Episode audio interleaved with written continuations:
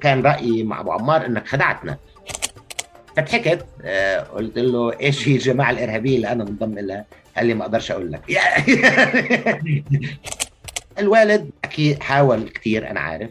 فآه أنا آه، كان صعبان علي شعوره آه، بالعجز عن مساعدتي رغم طلبي الدائم منه إنه تدخلش.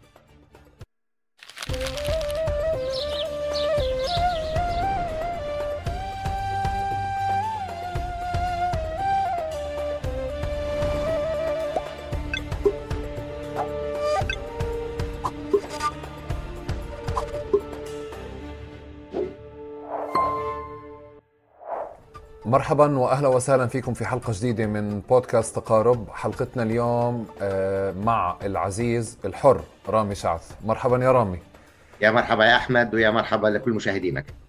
آه، والمستمعين. أنت فعليا آه، أول أول مرة بتحركش فيك صحفي بمقابله شخصية كتير صح؟ وبده يرجعك لماضي كتير أو صحفي أو مدون.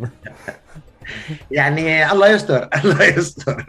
أنا شوف طلع عشان نعمل اتفاق زي ما حكيت لك أنا أنا ما بعرف شو وين يعني بدي أحكي المرحلة الحاسمة أو المرحلة النقطة اللي بدي ما قبلها وما بعدها هي الاعتقال. ما أوكي. بعدها أنت حر تمشيني كيف بدك ما قبلها امشي علي أنا. كيف خلص. أنا بحكي؟ خلص خلص رامي أهلا وسهلا فيك والحمد لله على سلامتك. آه بالعادة آه بنعمل شيء صعب أو بعمل شيء صعب شوي في البرنامج. هذا بترك الضيف يعرف نفسه كما يحب. آه, آه، مش كما اعتاد كمان. آه طيب اسمي رامي نبيل شعت آه فلسطيني مصري الجنسية. آه والانتماء والهوية آه عمري ما حسيت إنه في اختلاف ما بين هويتيني وانتماءاتي. آه متزوج عندي بنت آه، عندها 25 سنة مريم.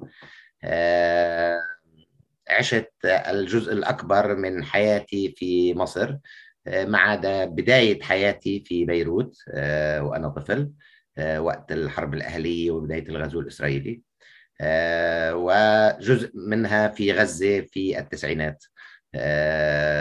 وجزء منها في بريطانيا وقت الماجستير وبداية الدكتوراه. آه، بس غير هيك آه، سكنت في مصر طول عمري.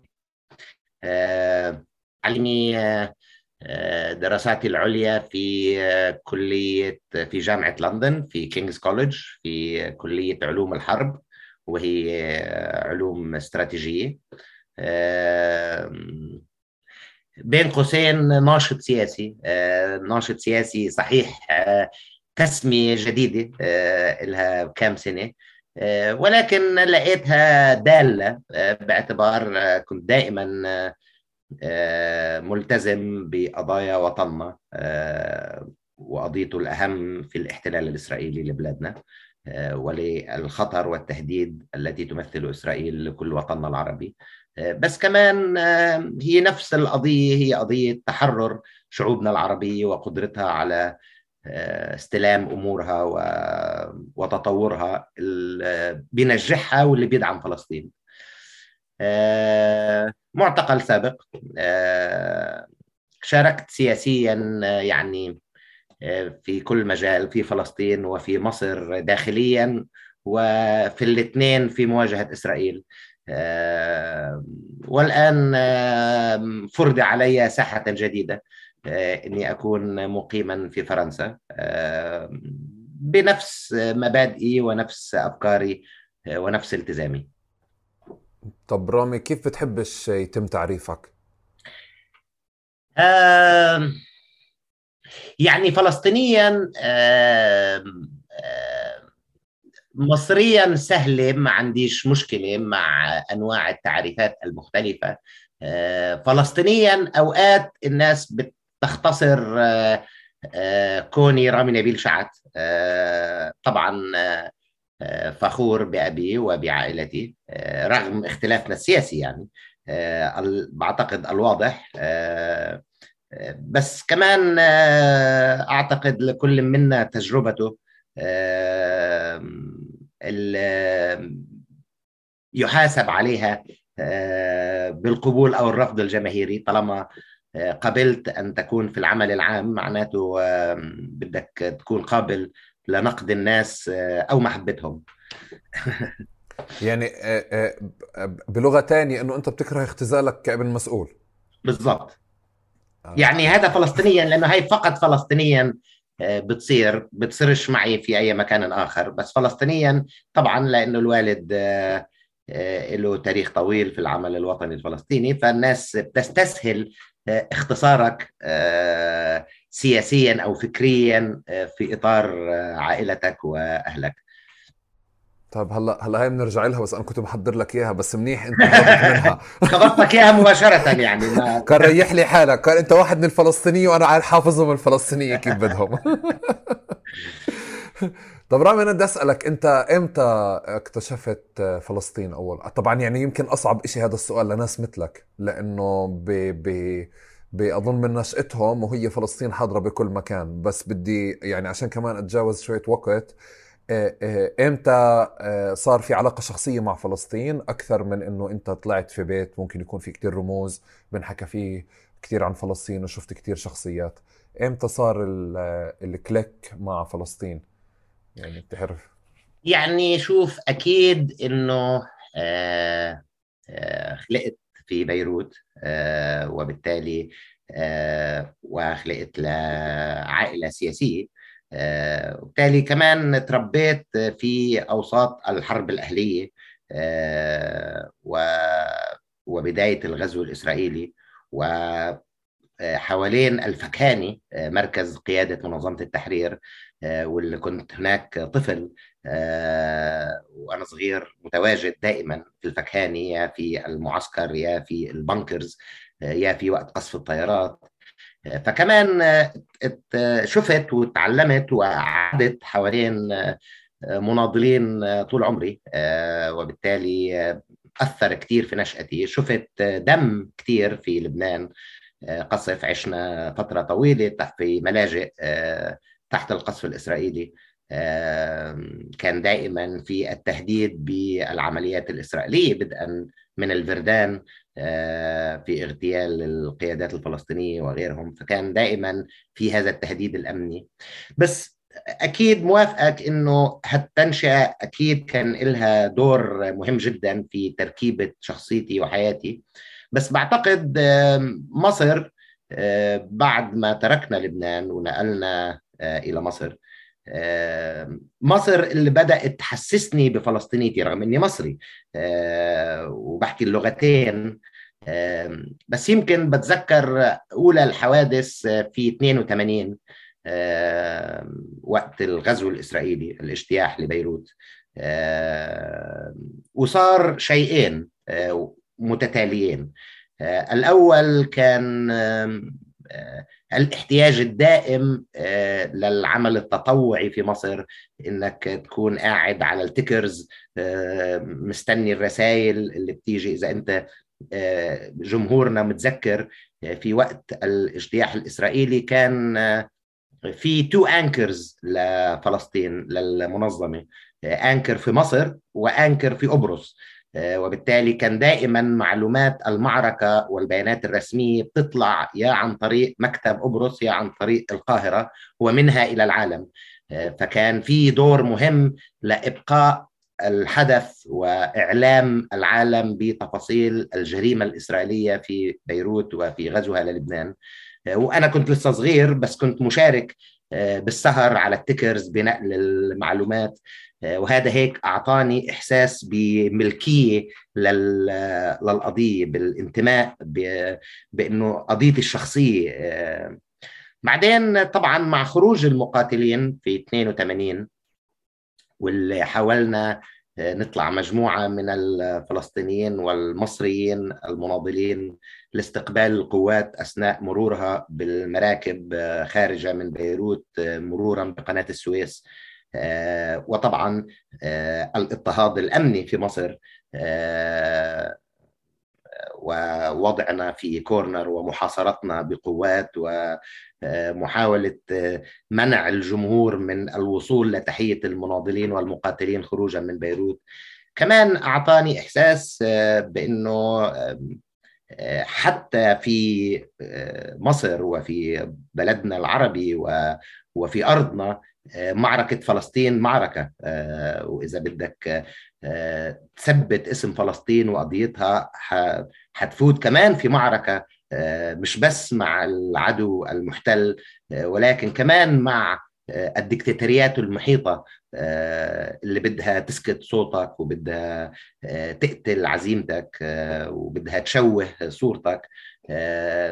ففي هالسن كمان أدركت إنه فلسطين محبة وانتماء بس كمان فلسطين التزام ونضال وثمن حتدفعه في كل لحظة في حياتك. وكان قراري إنه أنا ملتزم بهالقضية وحدفع الثمن وفضلت أدفع الثمن طب رامي أنت أنت بتقول إنه مصر عززت لك فلسطينيتك وأنا بالفترة اللي كنت فيها بمصر كان عندي شعور إنه أنا ممكن مصر تكون يعني أنا بروح وباجي على فلسطين. بس كان عندي شعور إنه أنا ممكن ما أروح وأضل هون وعندي اكسس على فلسطين كثير مهم وباميال بكثير كميات من وجودي ممكن يكون من فلسطين إنه أنا عندي تأثير هون كثير أكثر. بس ما ما كنت بعرف أوصفه. مصر كيف بتعزز فلسطينية الواحد؟ يعني بتعززها بشقيها بشقها بس خليني خليني معلش أنا آسف اقطع خلينا نحكي عن حالك أنت ب... ب... ب... بمشاهد بقصص.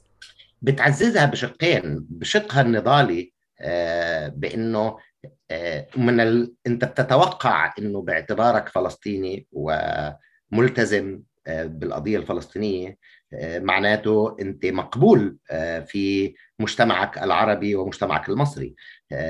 بس إنه كمان في مصر لإعلاء فلسطينيتك ولإعلاء انتمائك ولإعلاء نضالك أو رفضك للاحتلال. انت كمان معرض لقمع ومخاطر.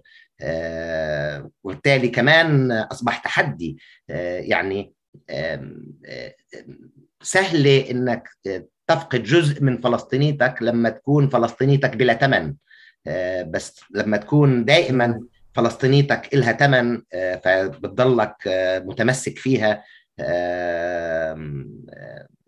ثانيا الحقيقة أنه كمان أنا مصري وفلسطيني فكمان ما كان عندي في حياتي أزمة هوية يعني آه يمكن لو هولندي فلسطيني بقول والله وين مصالح فلسطين ومصالح هولندا آه بس بين مصر وفلسطين كمان عمري ما حسيت في لحظة إنه هناك اختيار آه أي شيء بالأخير مفيد لفلسطين هو مفيد لمصر وأي شيء مفيد لمصر هو مفيد لفلسطين بخلاف ال... الدكتاتوريات المتخلفة ونظرتها الضيقة الحاكمة.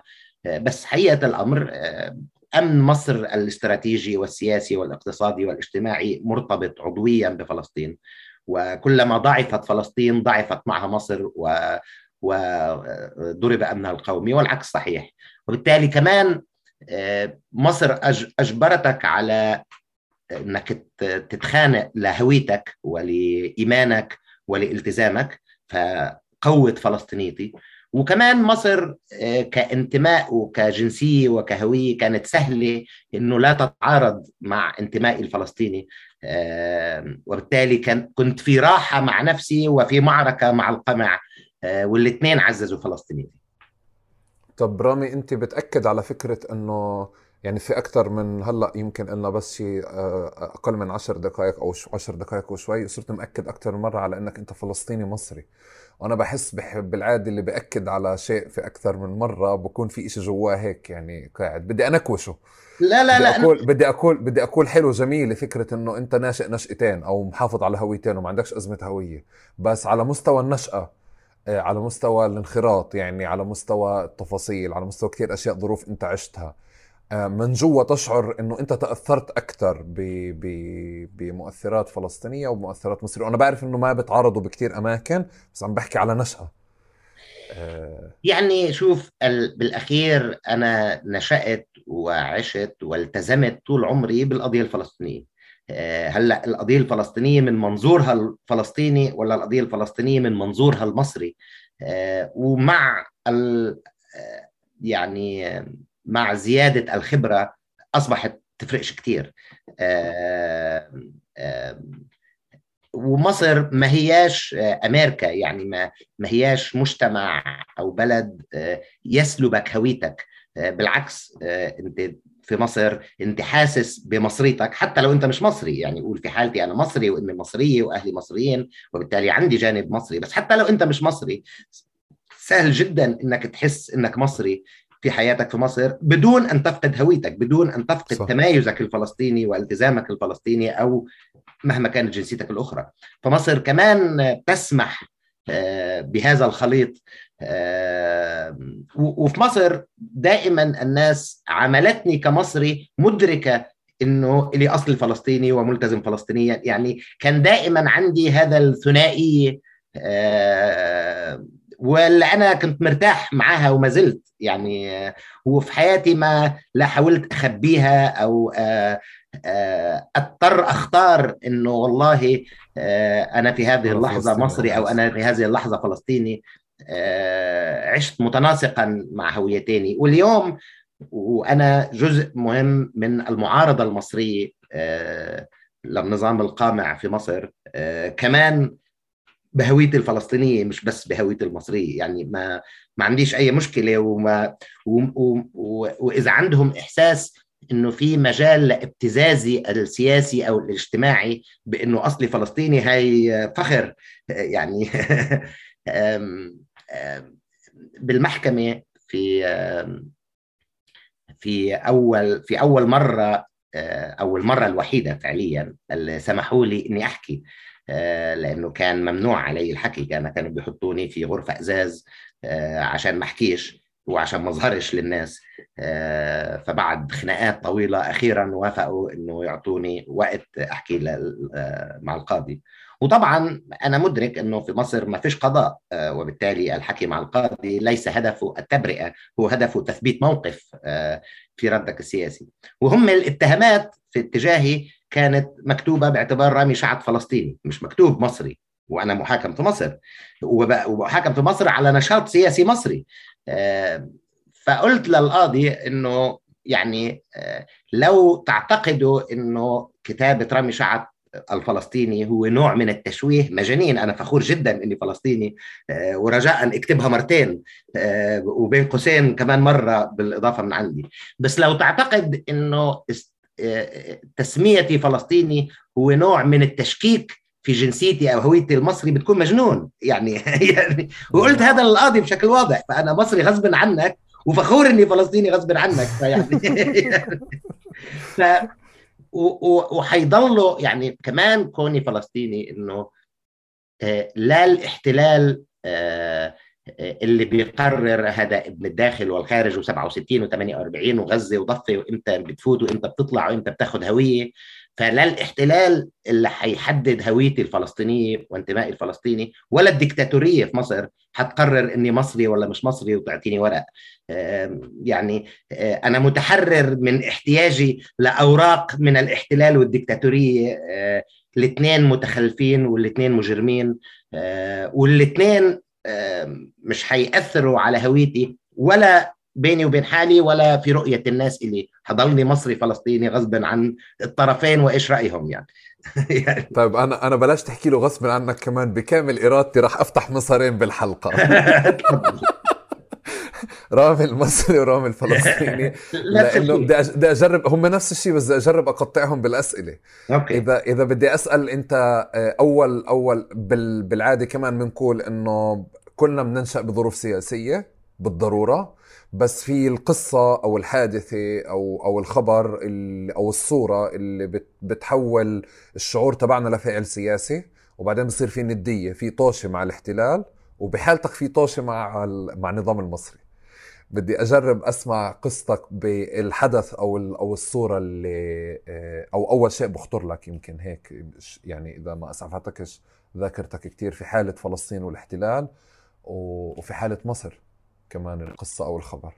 يعني شوف هذا اللي بحكي لك إياه إنه بلا شك تجارب وأنا طفل في لبنان في تحت القصف أو في الفكهاني وأشوف بعيني المناضلين بسلاحهم بجاهزيتهم بتضحيتهم آلاف المناضلين يعني للأسف إنه برغم الكثير من الذكرى والمعلومات حول الحرب في لبنان بس الناس بتنسى إنه فقدنا خمسين ألف مقاتل شهيد مناضل ملتزم بقضيته في هذا المعركة. فبلا شك مش هقدر في حياتي أنسى هالوجوه ولا هذا الإيمان ولا هذه الرغبة في والاستعداد للاستشهاد في الدفاع عن الأرض اللبنانية وفي الدفاع عن كل شبر عربي في مواجهة الاحتلال الإسرائيلي. كثير شكلت هويتي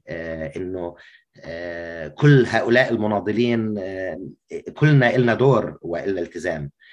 بس كمان مصر وفترة 82 لأنه طلعنا من لبنان في وقت الحرب كعائلة واللي دائما لا اراديا بيجي لك إحساس إنك طلعت من لبنان من وقت المعركة إلى مصر معناته أنت في الأمان أنت في الراحة ما انتاش في وسط المعركة إلى أن أدركت إنه المعركة انتقلت إلي إنه المعركة في مصر زي ما هي إنه عشان أقول فلسطين معناته أنا في معركة معناه عشان أدعم المناضلين في أثناء الغزو الإسرائيلي لبيروت معناته أنا مواجه مخاطر أمنية عشان أروح أستقبلهم على قناه السويس أنا محاصر من أمن الدولة عشان أروح أجيب أدوية كانوا بيطلبوها المناضلين وهم طالعين في المراكب ونوصلها للمراكب بدها عمل نضالي وسري ولم الأدوية شقفة شقفة من صيدليات عبر مصر لأن الدولة لم تسمح بالشراء بكميات تسمح بتوصيلها بشكل منظم إلى المناضلين أثناء مرورهم بالمراكب. فكان في عمل إنك ننزل نلفلف صيدلية صيدلية نشتري كل الأدوية اللي بيحتاجوها المقاتلين وتتعرض في ذلك لمخاطر أمنية. هاي بلا شك أخذت يعني هاي اللحظة بتصور اللي أخذت فيها القرار آه إنه حكمل معركة فلسطين وإلي دور فيها آه والدور مهما كان صغير آه حيكبر مع الزمن وإنه هذا الدور حدفع فيه ثمن مش بس في فلسطين أو في لحظة المعركة مع العدو الإسرائيلي بس حدفع فيه ثمن إذا أنا ملتزم بهالقضية وإذا ملتزم بهالهوية حفضل أدفع الثمن حتى في مصر. وبالتالي كان القرار هو التزامي وهو دفع الثمن آه والاستعداد له آه وهذا شيء حياتي آه ما بعد. يعني أنت بتحكي لي إنه ب... يعني ربطهم التنتين ببعضهم فعليا مرتبطين ببعض بس إنه حتى مشكلتك أول أول أشكال المعارضة للنظام المصري كانت طالعة من من من من آه عدم قدرتك على التعبير على إنك فلسطيني بحرية وبعدين تطور الموضوع لقضايا محلية أكثر صحيح وخليني أقول لك الحقيقة لو يمكن هاي بس قفزة بس هي قفزة فكرية.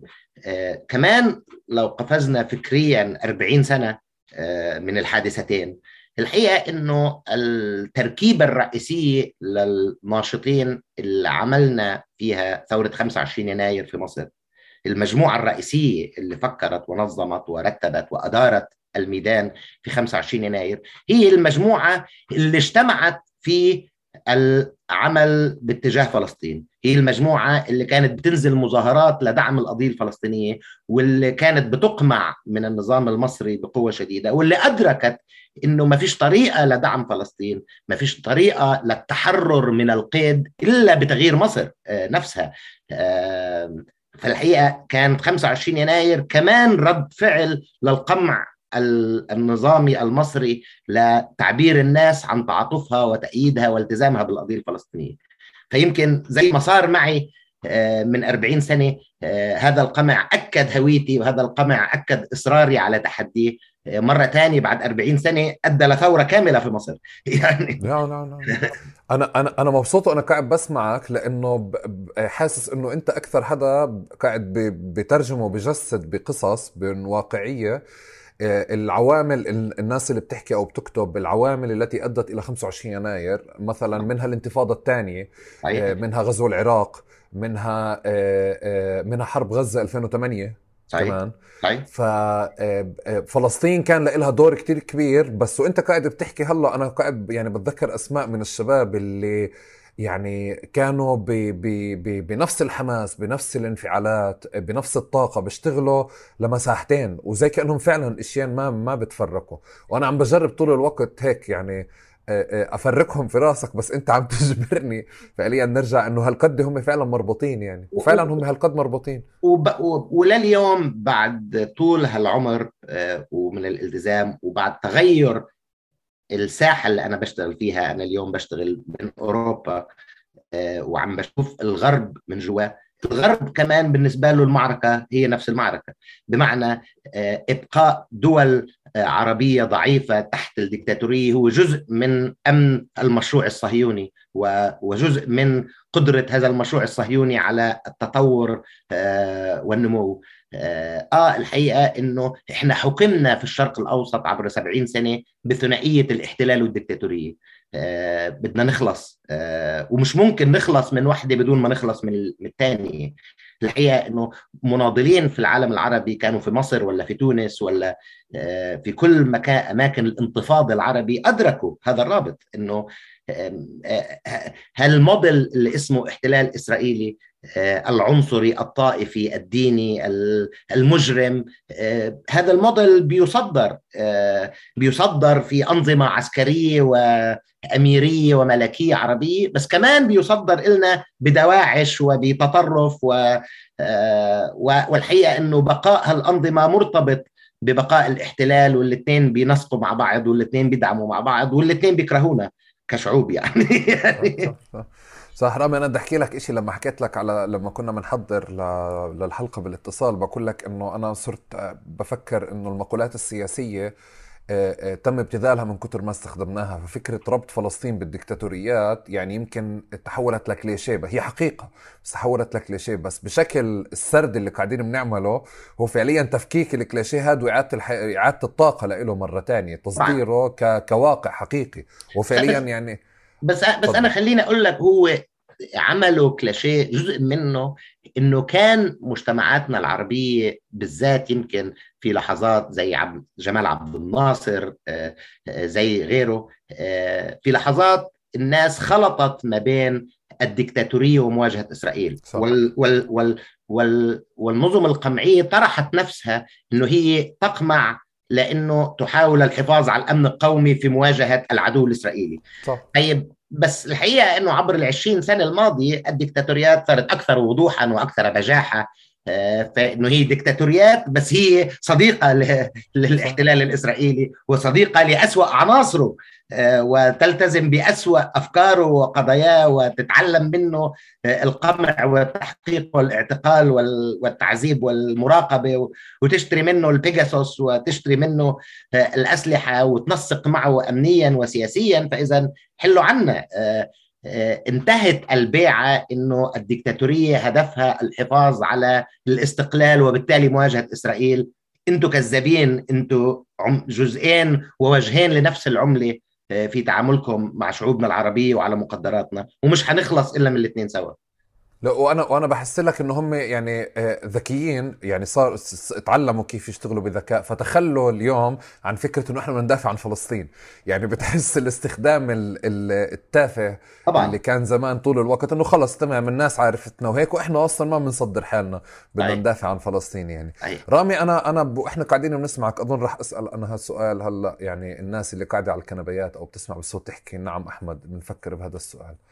انت بتذكر قاعد كتير قصص بكتير محطات وأنا وانت قاعد كل شوي بتحكي شغله بقول قد عمرك رامي؟ عمري 51 سنة. ما شاء الله العمر كله. عشان هيك فعليا في عندك يعني أنا من ساعة ما حكيت عندك بنت عمرها 25 سنة بعدين بتحكي على بيروت. بتحكي على بيروت مش ك يعني ك... كذاكرة من والدك يعني أو لا بتحكي على على عشتها طفل يعني عشتها, عشتها طفل فطبعا وأنت عم بتأصل لكيفية تركيبة شخصيتي بلا شك أنه حرب بيروت الأهلية وثم الغزو الإسرائيلي شكلت شخصيتي. okay okay. طب رامي بدي أسألك ما قبل 2011 هيك بدي أجرب أمسكها شو كانت مساحات العمل بفلسطين؟ لا فلسطين في مصر. يعني شوف الفترة منذ نهاية من بداية التسعينات لا وفاة ياسر عرفات. بلا شك أنا كنت أكثر التزاما بالعمل الفلسطيني من جوا فلسطين عن من مصر. يعني حتى الفترات اللي كنت فيها في مصر فأنا كنت أكثر التزاما بالعمل في الأطر السياسية الفلسطينية. فأنا كنت قريب جدا من ياسر عرفات وفترة كنت مستشاره. ولو يعني مستشاره بمعنى بلا راتب ولا مناصب يعني مستشاريه بس فعليا أنا كنت قريب منه جدا وكان بيننا علاقة خاصة وكنت بأدي له مهام عند احتياجه لها بعد وفاة ياسر عرفات كانت نهاية أي ارتباط لي بالمؤسسة الفلسطينية. ومنها كمان انتهاء في تقديري الشخصي ارتباط هذه المؤسسة بأي عمل نضالي يعني. فهذا كمان رسخ فكرة إنه عملي السياسي هو من جوا الساحة المصرية باتجاه فلسطين وباتجاه القضايا المحلية المصرية. أنت أنت عملت قفزة هيك أنا مبسوط عليها. كيف كيف بلش المشوار مع مع ياسر عرفات؟ وأنا أحكي لك شغلة لما كنا وأنت في المعتقل سيلين كانت بدها تصدر الصور وأنا في بالي عارف المجتمع الفلسطيني كيف بيشتغل إنه بالآخر راح يقولوا هذا ابن مسؤول بكرة المسؤول بيطلعه. okay؟ فأنا ب... كانت يعني بت...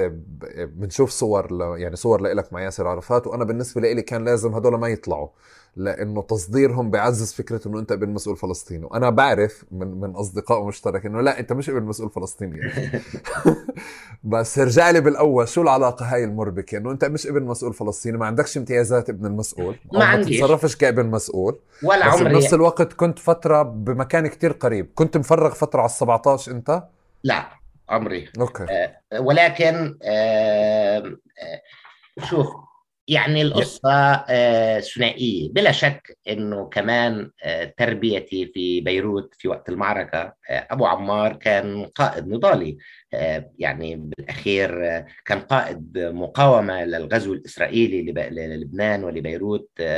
كان رمز فلسطيني. بلا شك أخطأ في وقتها وأخطأ ما بعدها. بس ظلوا في الوجدان الفلسطيني ولليوم قائد إلي كمان معه تجربة شخصية. يعني أبو عمار كان له هالطريقة الشخصية جدا في التعامل مع الناس والمبهرة. أنا شفته في لحظات عنده هذا التأثير الطاغي على رؤساء دول. شفته مع رؤساء دول اللي تحولوا في لحظات وهن بيتعاملوا معه باعتبار بيتعاملوا مع أبوهم الكبير. يعني فكان عنده هالشخصية الطاغية. تجربتي معه لم كان اجى زيارات على مصر في الفترة ما بعد 82 كم مرة.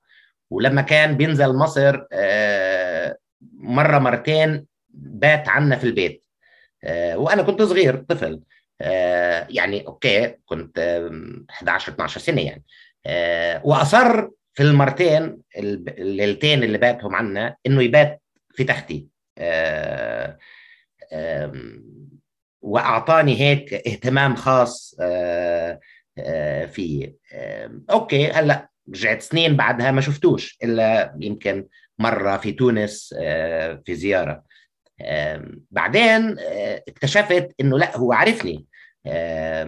وذاكرني. وأول مرة شافني حضني وقال لي أنا نمت في تختك من عشر سنين. بتذكر يعني معقول هذا الرجال بينام.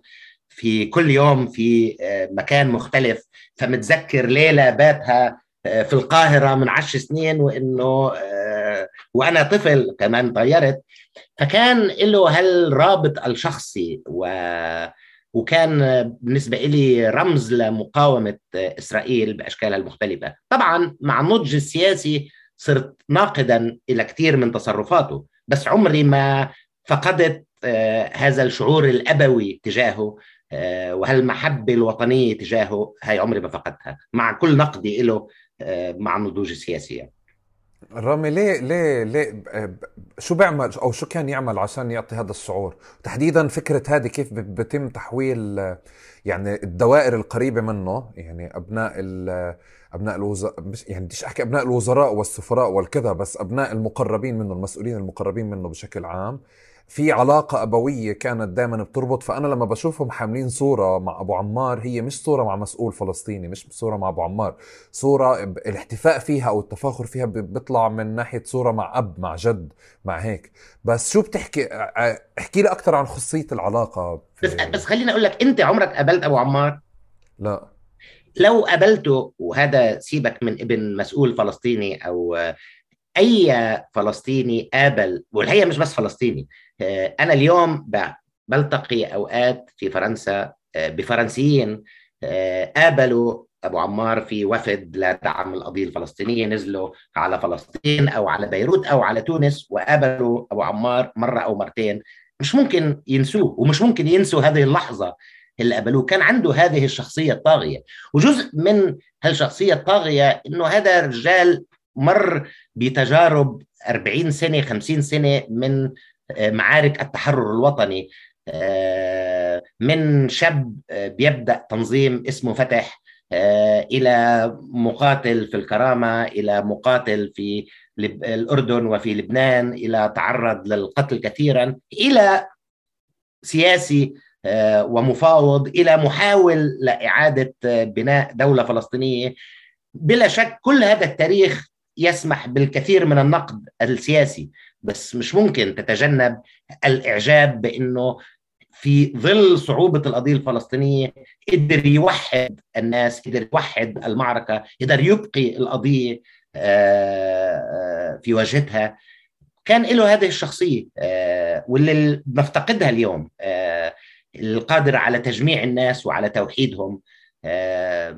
كان له هذه الشخصية. من من من لقاء معك آه، ومن اهتمام شخصي فيك وتذكره لأقل التفاصيل آه،, آه الحقيقة بياخدك. آه يعني آه كنت بقول أوقات آه أول مرة مرتين آه دخلت عليه وأنا معترض آه على موضوع آه وطلعت من عنده بعد ربع ساعة آه، ما خدتش أي شيء من اللي أنا كنت طالبه بس بس سعيد.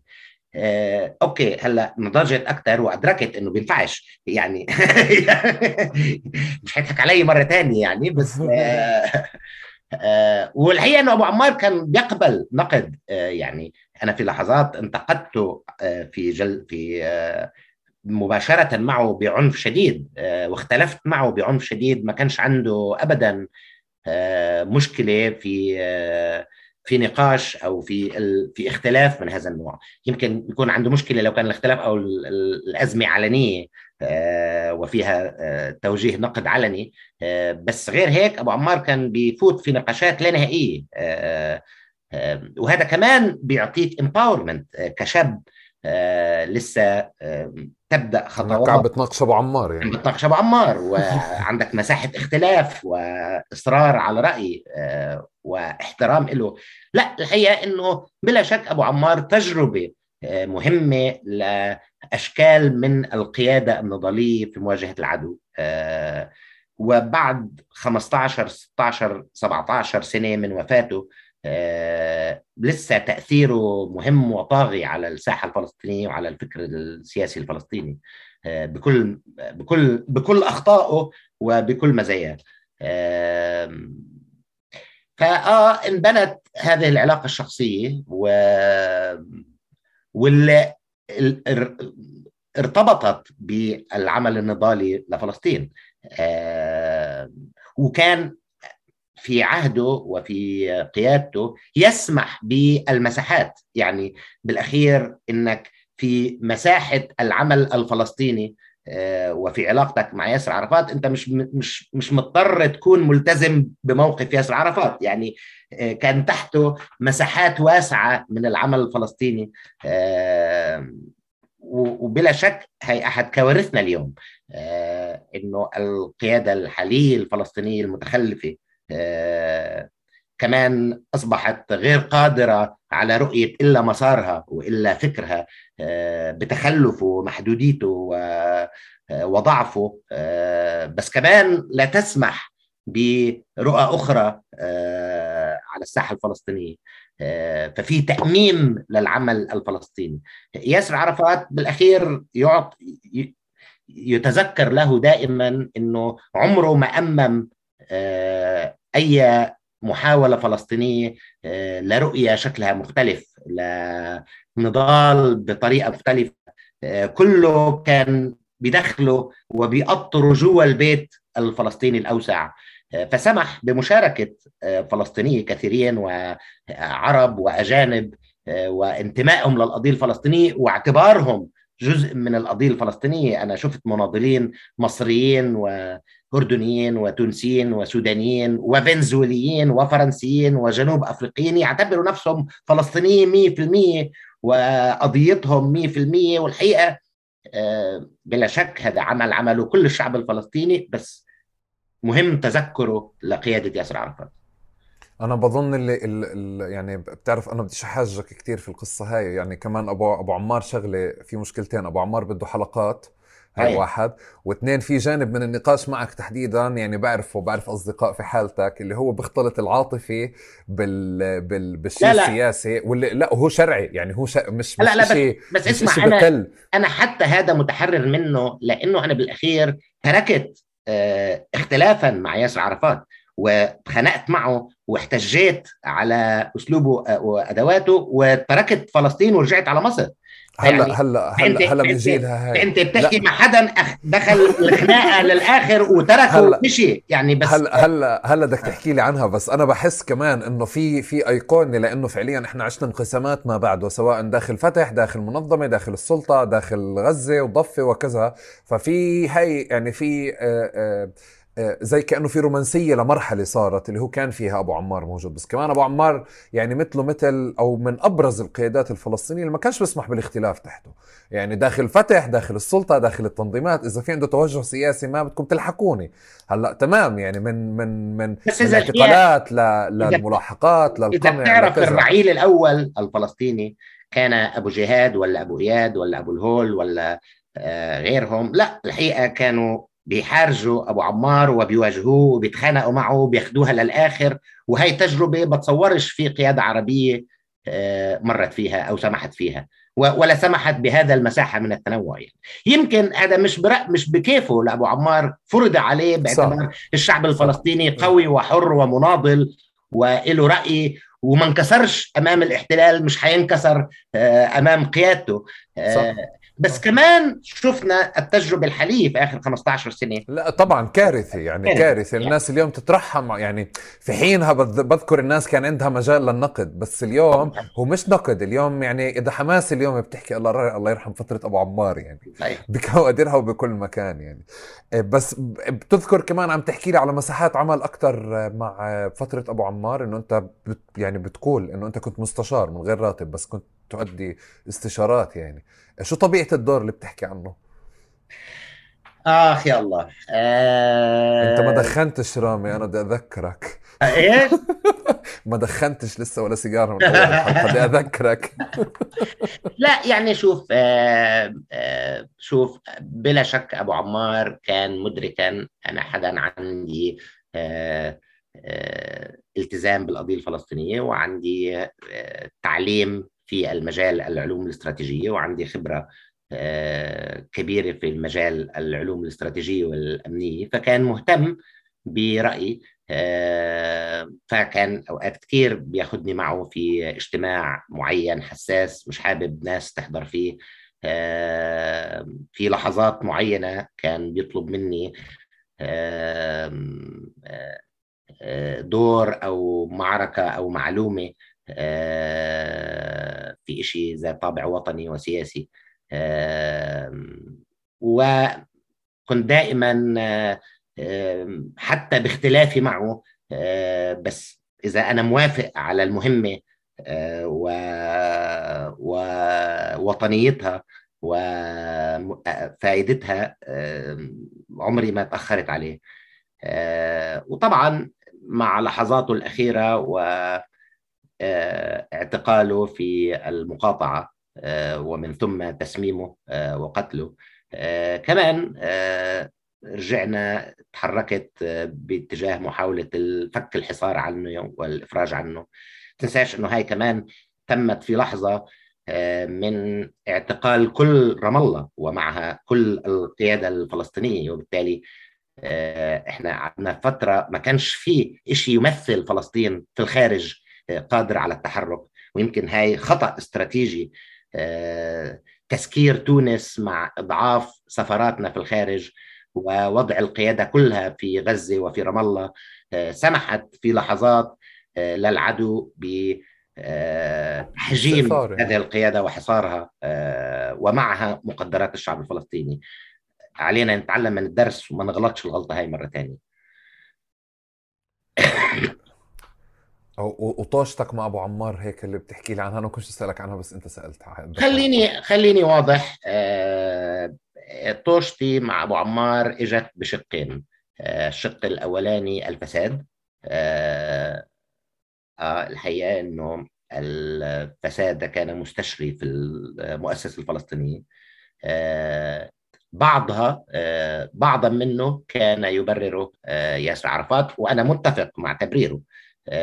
إنه كان هناك بعض الاحتياج للمصاري لعمل أنشطة لا تسمح بها الدول المانحة والمؤسسات الدولية. وبالتالي إذا بدك تدعم مخيمات الفلسطينية في لبنان أو في سوريا تقدرش تطلعها من منظمه من آه، من آه، ميزانية السلطة. محتاج آه، تتشانل المصاري عن طريق آخر تسمح بتوصيلها.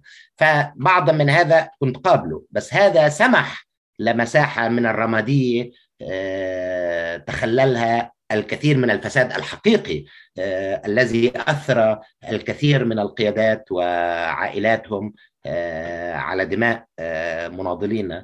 فكان عندي أزمة مع تسامحه مع هذا الفساد وتركه له يكبر. اثنين كان عندي أزمة استراتيجية أكثر حول كل المؤسسة الفلسطينية. أنا الحقيقة كان اعتقادي في الدخول سنة 94 ما بعد أوسلو واتفاق القاهرة وخلافه. آه، إنه إحنا مدركين إنه هذا مش اتفاق حقيقي آه، وإنه هذا ظروف القوى آه، من تغير الاتحاد السوفيتي العراق وضعنا الداخلي اضطر القيادة لقرار من هذا النوع. ولكن هذا القرار فائدته الرئيسية هي فرصة انه نرجع مليون فلسطيني إلى الداخل فرصة لإعادة بناء القيادة من الداخل واعدادا للمعركة التي ستأتي مع مع الاحتلال في لحظة قادمة. الحقيقة إنه السنوات الأولى للمؤسس للسلطة الفلسطينية كانت آه، مسيئة بالنسبة لي جدا. آه، الفساد آه، صار مستشري. الإحساس بالراحة والرغبة في التمتع بالامتيازات والفي اي بيز وجزء رئيسي من هذه الامتيازات صب عند عند الاحتلال. وبالتالي صار بدك في اي بي معناته لازم تروح للاحتلال. بدك دخول لبضائع لازم تروح عند الاحتلال. آه، فآه الحقيقة تجربة السنين الأولى من السلطة أظهرت لي إنه هاي مش تجربة نضالية آه، وإنه آه، في البعض اعتقد فعليا إنه انتهت القصة وإنه إحنا دخلنا في صلحة غير حقيقية. والبعض الآخر راح مباشرة باتجاه المزايا الشخصية له ولعائلته. آه، فأنا رفضت إني أكون في هيك إطار. آه، ورفضت الفكرة الاستراتيجية من وجود السلطة الفلسطينية. آه، وكان رأيي مع أبو عمار أنك خدعتنا. أنت قلت لنا أنه هدفك من السلطة الفلسطينية هو عمل نضالي. هو عمل لعودة مليون فلسطيني لعودة القوات الفلسطينية إلى أرض المعركة لإعادة التحام القوات بالشعب الفلسطيني ووضعها على على أسس حقيقية ببناء اقتصاد فلسطيني مستقل خارج الاحتلال الإسرائيلي يسمح له بالنضال طويل المدى. والحقيقة إنه تجربة السلطة في منذ نشأتها ما كانش فيها أي من هذه العوامل. وكانت هاي طوشتي النهائية مع ياسر عرفات وتركي لفلسطين وعودتي لمصر. طيب يعطيك ألف عافية. بدي اخذ قد إيه، بدي هيك أقفز قفزة سريعة بس قبلها بدي أسألك أنت آه، ما شربتش ولا قهوة ولا دخنت ولا سيجارة؟ معدل سجايرك طول ولا السيجارة؟ عشان عشان نقفز قفزة هلأ. رامي آه، بما يقال ب آه، اللي قرأناه وعرفناه إنه في مرحلة توقيع كام ديفيد لما النظام المصري في حينها راح باتجاه إسرائيل أكثر فصار في ملاحقة لكل الناشطين الفلسطينيين آه، ملاحقة لأي حدا عنده بوتنشال معارضة احتمالية معارضة حتى آه، وصار في تقييد كامل لكل النشاط الفلسطيني في مصر. بدي أسألك هذا المشهد نفسه اللي قريناه تكرر 2013 آه طبعا. شوف عبر ال ال التاريخ المصري بالذات بس العربي بشكل عام دائما في في قبل وأنا عشان هيك بحذر الناس دائما في هالأيام إنه تقدر تقرأ التاريخ قبل كل مصيبة تتعرض لها فلسطين ومعها الأمن القومي العربي تبدأ بحملات شتايم وحصار للشعب الفلسطيني. آه وبالتالي آه الفترة من 76 77 78 في مصر كانت حملات الشتايم حول الفلسطينيين اللي باعوا أرضهم في خرافة آه، كاذبة آه، روجوا لها وصدقوها. آه، في إنه الفلسطينيين يتمتعوا بالأموال وعايشين حياتهم في الخارج وبيحكوا عن النضال فإنه الفلسطينيين بيتاجروا بالقضية الفلسطينية.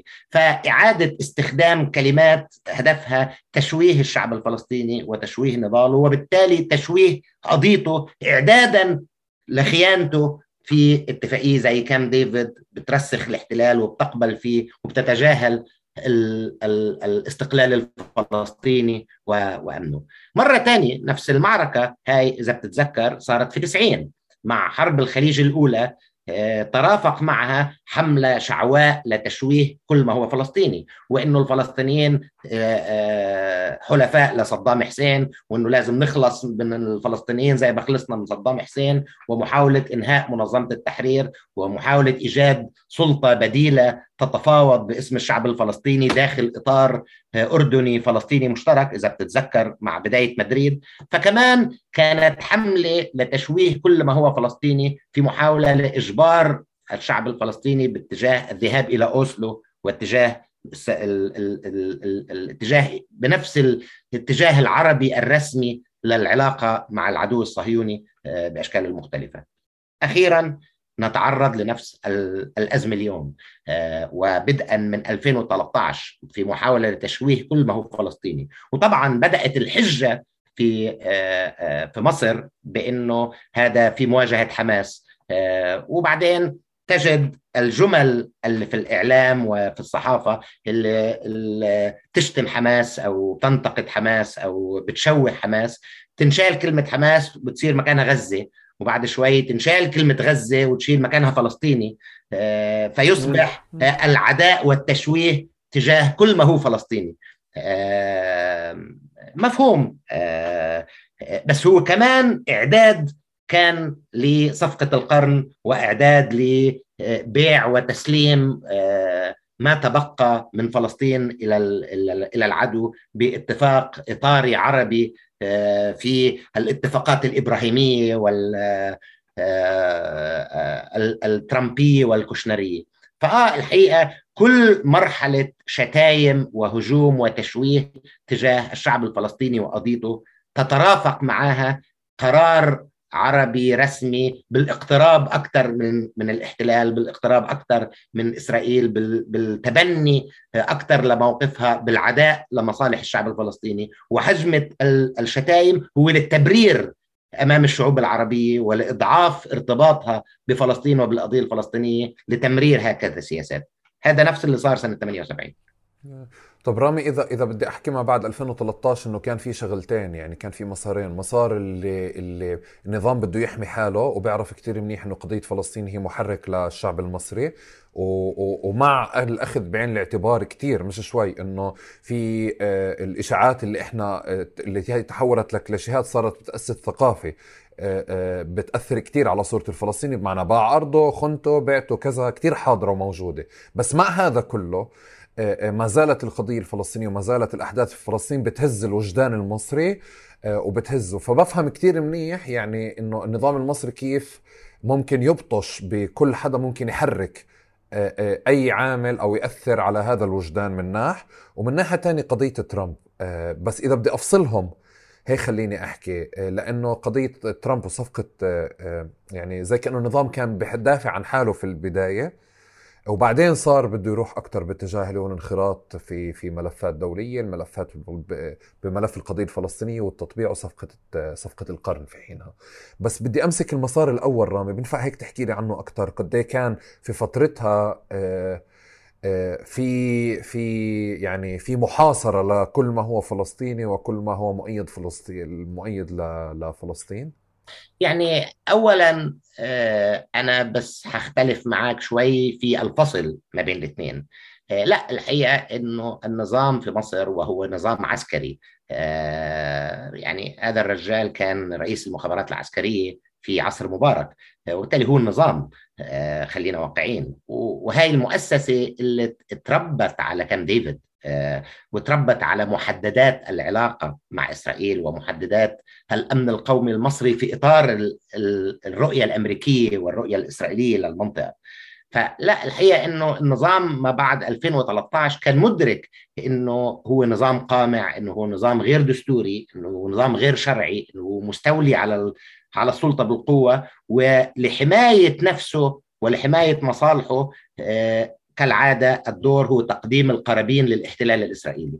آه، وبالتالي لا الحقيقة الفاظ الرابط مش فقط دفاعه عن نفسه في مدى إلهام القضية الفلسطينيه للشارع المصري بس هو كمان بوزيشننج سياسي تسمح له بالحصول على القبول الغربي بالانقلاب والقبول الغربي بالقمع والقبول الغربي آه، لأنه هذا بيخدم إسرائيل وبيخدم مصالحهم الأمنية والاستراتيجية الأوسع أو كما يروها في الشرق الأوسط. طيب ثانيا آه طبعا الفترة ما بعد 2013 شهدت هجمة مهولة على كل ما هو فلسطيني آه، في محاولة تشويه فلسطين في محاولة تحميل حماس وغيرها من تنظيمات فلسطينية بالأزمة الأمنية اللي في سيناء ولا يعني في في في 2014 آه، آه، التقيت مع أمن الدولة. آه، المصري طلبوا مقابلتي. والمقابلة تحولت إلى أربع ساعات من النقاش السياسي العنيف يعني. واللي اساسه حول السياسة الداخلية المصرية يعني. بس في شقف منها بيقول لي إنه يعني طيب والمشاكل اللي عملاها حماس في سيناء وخلافه. قلت له يعني آه، إحنا هنكذب على بعض يعني إحنا قاعدين على الطاولة. آه، فقال لا مش صحيح. عندنا معلومات واضحة وسرية وموثقه إنه حماس اللي اخترقت الحدود ودخلت وهاجمت السجن وفتحت السجن. قلت له طيب بعت لك إياها. آه، حماس تنظيم أسطوري اقتحم الحدود المصريه من تحت الأرض ومن فوق الأرض وأرسل قواته باتجاه وادي النطرون السجن اللي فيه مناضليهم وفتحوه وكسروه وحرروهم وهربوهم غزة. موافق لك؟ بعت لك يا رغم إنه فكرة خرافية يعني. مين فتح سبع سجون أخرى فيها 35 ألف جنائي موجودين في المنيا وأسيوط؟ وحماس كمان بعثت قواتها على كل واحد من هدول. فسكت شوي قال لي طيب فوتها فوتها. يعني يعني كمان الكذب آه، وتشويه التاريخ آه، أصبح غير حقيقي. آه فطبعا فلسطين في تلك اللحظة كانت ثلاث عوامل رئيسية. كان في عامل آه، الدفاع عن النفس آه، بتشويه العمل النضالي الفلسطيني لأنه هو ملهم للاستقلال المصري وللحرية في مصر وللثوره في مصر. اثنين هو بوزيشننج سياسي آه، باتجاه إسرائيل تسمح بإسرائيل للدفاع عن هذا النظام الجديد الذي خلق بلا شرعية ولا دستورية. بس كمان هو فرصة لتحميل الفلسطينيين بكل كوارث النظام اللي عملها خلال فترة الثورة. فأصبح الفلسطينيين اللي طخوا الناس في الشوارع والفلسطينيين اللي فتحوا السجون والفلسطينيين يعني وال وال ومرسي بكل مشاكله معه السياسية صار متهم بال بالتخابر مع حماس والتخابر مع قطر يعني قصة مجنونة يعني. آه فإنه آه النظام حاول يحمل فلسطين كل الملف آه لفشله ولجرائمه آه عبر ثلاث سنين من الثورة المصرية.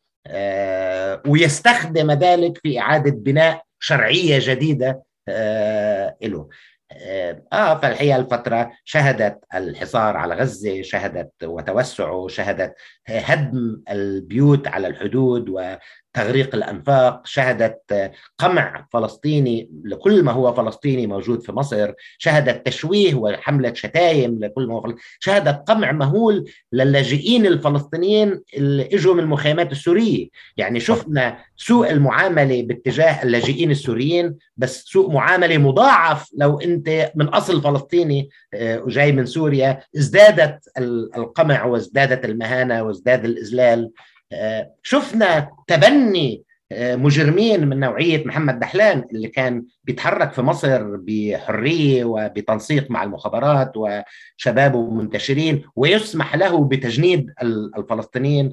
فكمان شفنا حصار وقمع وشتيمة لكل ما هو فلسطيني ومحاولة لتشويه كل النضال الفلسطيني مش فقط الإسلامي منه كما يعتقد البعض. فالحقيقة وهاي الحملة كانت الدافع بالنسبة إلي ولعشرات المناضلين المصريين الآخرين أنه نركض بسرعة نأسس بي دي إس مصر ردا على هالجريمة وبالتالي بدأنا في التأسيس على طول في 2014 وأعلنا أكبر تحالف الحقيقة واضح لدعم فلسطين اجتماعي وسياسي مصري. كان في عشر أحزاب سياسية كان في العديد من النقابات المهنية كان في العديد من منظمات المجتمع المدني والعديد من الناشطين وال وال والأسماء السياسية البارزة. كمان عشان ترد على هذا النظام وتقول له إنه ما زال الشعب المصري ملتزم بالقضية الفلسطينية كقضية فلسطينية إنسانية وثقافية وحضارية بس كمان كقضية أمن قومي مصري. ترى في فلسطين هي خط الدفاع الأول الحقيقي في مواجهة توسع المشروع الصهيوني. طيب رامي بدي بدنا نرجع بدي أمسك ال... بدي أمسك بي دي اس وتاسيسها بالأكثر بس بدي أرجع قبلها إنه من 2013 جر لحد ما أسستوا BDS وما بعدها ولليوم يمكن. في إشي في مصر إنه في هرولة باتجاه إسرائيل في positioning كيف أنت حكيت في شيطنة الفلسطيني بس ممنوع يكون في تطبيع شعبي. يعني بمعنى. ولا عمره. يعني أنا بحكي لك إنه في اللحظه النظام راح فيها بكل هالاتجاه.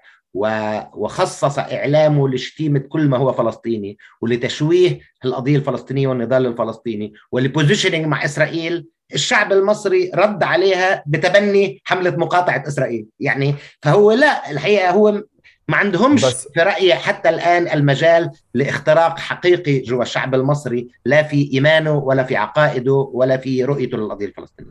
بس بس في في البعض بقول رامي إنه أصلا النظام نفسه ما بيشوف مصلحة بالتطبيع على بالتطبيع الشعبي مع مع إسرائيل. بمعنى إنه أنت مثلا النموذج اللي بنحكى عنه دائما ما كنا شايفينه ما كنا عارفين ترجمته اللي هو نموذج دبي اليوم أو الإمارات اليوم. بمعنى دفع الناس على مستوى أفراد ومجموعات ومؤسسات باتجاه ورجال اعمال وكذا بالتطبيع مع إسرائيل. وشفنا هيك زي في سلوك تعرف الإعلام المصري هو معيار يعني. مثلا محمد رمضان بس بس مش عارف إذا بالغلط ولا بالصح أهبل ولا مجنون ولا كيف ما كان وصفه تصور مع إسرائيل وطلعت الصورة لإله الماكينه الإعلامية ما رحمته.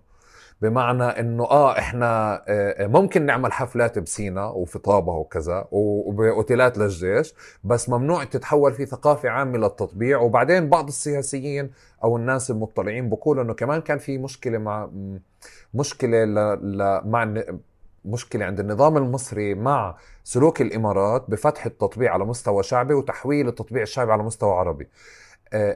في شيء بيقال إنه أمن قومي يعني مصري إنه بمعنى إنه okay إحنا بدنا علاقة مع إسرائيل بس بس بمحددات إحنا بنحطها وفي وفي آراء إنه كمان إحنا ما بدنا يعني ما بدنا يكون في تأثير داخلي جوا مصر من إسرائيل و و وشركائها وهيك. BDS لما طلعت أنا بحس إنه طلعت أكثر يعني كمان بظروف بتساعدها إنه ما في تطبيع شعبي موجود مش مثل الإمارات. النظام نفسه مشكلته إنه أنت اشتغلت أكثر على مستوى التوجهات السياسية اللي موجودة أكثر منك أنت تحديته على مستوى شيء. يعني بقصد كان في أرضية لانطلاق بي دي إس.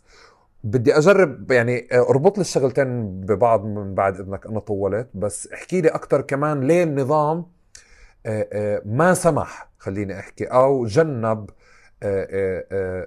التجنب اللي هو التطبيع الشعبي في مصر اللي إحنا ما بنشوفه اليوم. شوف بلا شك إنه ما زال الشارع المصري رافضا بعنف لكل ما هو إسرائيلي. و و والإسرائيلي فكرا وثقافة ولا منتج اقتصادي ما زال عامل تفجير في مصر. آه لسه ما فيش إسرائيليين يستجروا ينزلوا القاهرة ويقولوا إن هم إسرائيليين بيقولوا أي جنسية أخرى. آه حتى آه تواجدهم في سيناء واللي هو أكثر انتشارا محدود جدا والحقيقة اللي بيسموا إسرائيليين خطأ الموجودين في سيناء معظمهم هم فلسطينية من الأرض المحتلة سنة 48 فهم آه بهوية إسرائيلية بس هم فلسطينيين. آه فما زال الكثير آه الإسرائيليين مدركين الشارع المصري ما زال يغلي باتجاه القضية الفلسطينية وما زال بالنسبة له القضية الفلسطينية قضية مصرية مش فقط قضية فلسطينية. بس آه أنا موافقك إنه كمان النظام كان راغب في تاميم العلاقة مع إسرائيل. والحقيقة هاي بالنسبة لي أصبحت أكثر ظهورا ووضوحا لما بدأنا BDS. في كل مرة ركضنا وراء عقد كارثي للعلاقة مع الإسرائيليين وجدنا وراء النظام. ورجال النظام بشكل مباشر وفي بعض الأحيان اجهزته الامنيه بشكل مباشر. لما دخلنا في معركة الغاز فالشركة كلها مخابرات وملاكها أجهزة مخابرات. لما دخلنا في معركة G4S الشركة الأمنية اكتشفنا أنه وكيلها في مصر سيف اليزن لواء المخابرات السابق القريب جدا من النظام والمؤسس لتحيا مصر. لما دخلنا في معركة يعني الحقيقة صحيح النظام ورجالاته وبالذات رجالاته الأمنية هي المسيطرة على كل العلاقة مع إسرائيل. توكيل شركة زم الملاحي في ميناء الإسكندرية تحت سيطرة المخابرات المصرية بشكل كامل. فآه الحقيقة كل البزنس القائم مع إسرائيل بأشكال أو أخرى هو يتم مع الأجهزة الأمنية المصرية وعبر هلأ بعضها كأجهزة وبعضها كأفراد من داخل هذه الأجهزة. بس صحيح ما زال النظام المصري يؤمم العلاقة الاقتصادية مع إسرائيل في أيدي النظام. جزء منه خوفا على تفجر الأوضاع جوا مصر وجزء منه بلا شك إنه حتى في أطر النظام نفسها ما زال القطاع الأكبر رافضا للعلاقة مع إسرائيل ويرى فيها خطر على الامن القومي المصري، خليني أقول لك إنه في شهور ست سبع شهور قبل اعتقالي دعيت من دكتور اسمه الله يرحمه دكتور مصري خبير في الشؤون العبرية. لا مجموعة نقاش على الواتساب هدفها تأسيس مركز للدراسات الإسرائيلية. وطلبني وقال لي يعني أنت أكثر واحد خبير في هذا المجال وحابينك تكون قيادي في هالمجموعة. قلت له أهلا وسهلا يعني أحب بس أفهم مين المجموعة وإيش الفكرة. ودخلت المجموعة لأكتر طبعا بعرفش الأسماء اللي ظاهرة قدامي لأنه كلها أرقام لأكتشف أنه فيهم حوالي عشر ألوية يا مخابرات يا أمن دولة يا جيش بعضهم حالي وبعضهم سابق. وعدد ضخم من الصحفيين والباحثين في مجال الإسرائيلي. واللي طبعا متبنيين موقف الدولة الرسمية المصرية. يعني هدول كلهم رسميين. واللي صارت بالتالي صارت النقاشات احتدت جدا بيني وبينهم على الجروب. واللي انتهت بإني اعتذرت وقلت لهم لا أنتم بتعملوا إشي مش هدفه الدراسات هدفه التسويق لسياسة الدولة. لو أنتم مهتمين بدراسة إسرائيل أنا مستعد أساعد. وهذا بيرشد القرار السياسي والاستراتيجي تجاه إسرائيل. بس إذا هدفكم فقط مركز دراسات يسوق لسياسة النظام باعتبارها الأفضل استراتيجيا إذا أنتم رايحين جايين للشخص الغلط قوموا روحوا وتركت. لما تركت كان بعد نقاشات حادة مع المجموعة.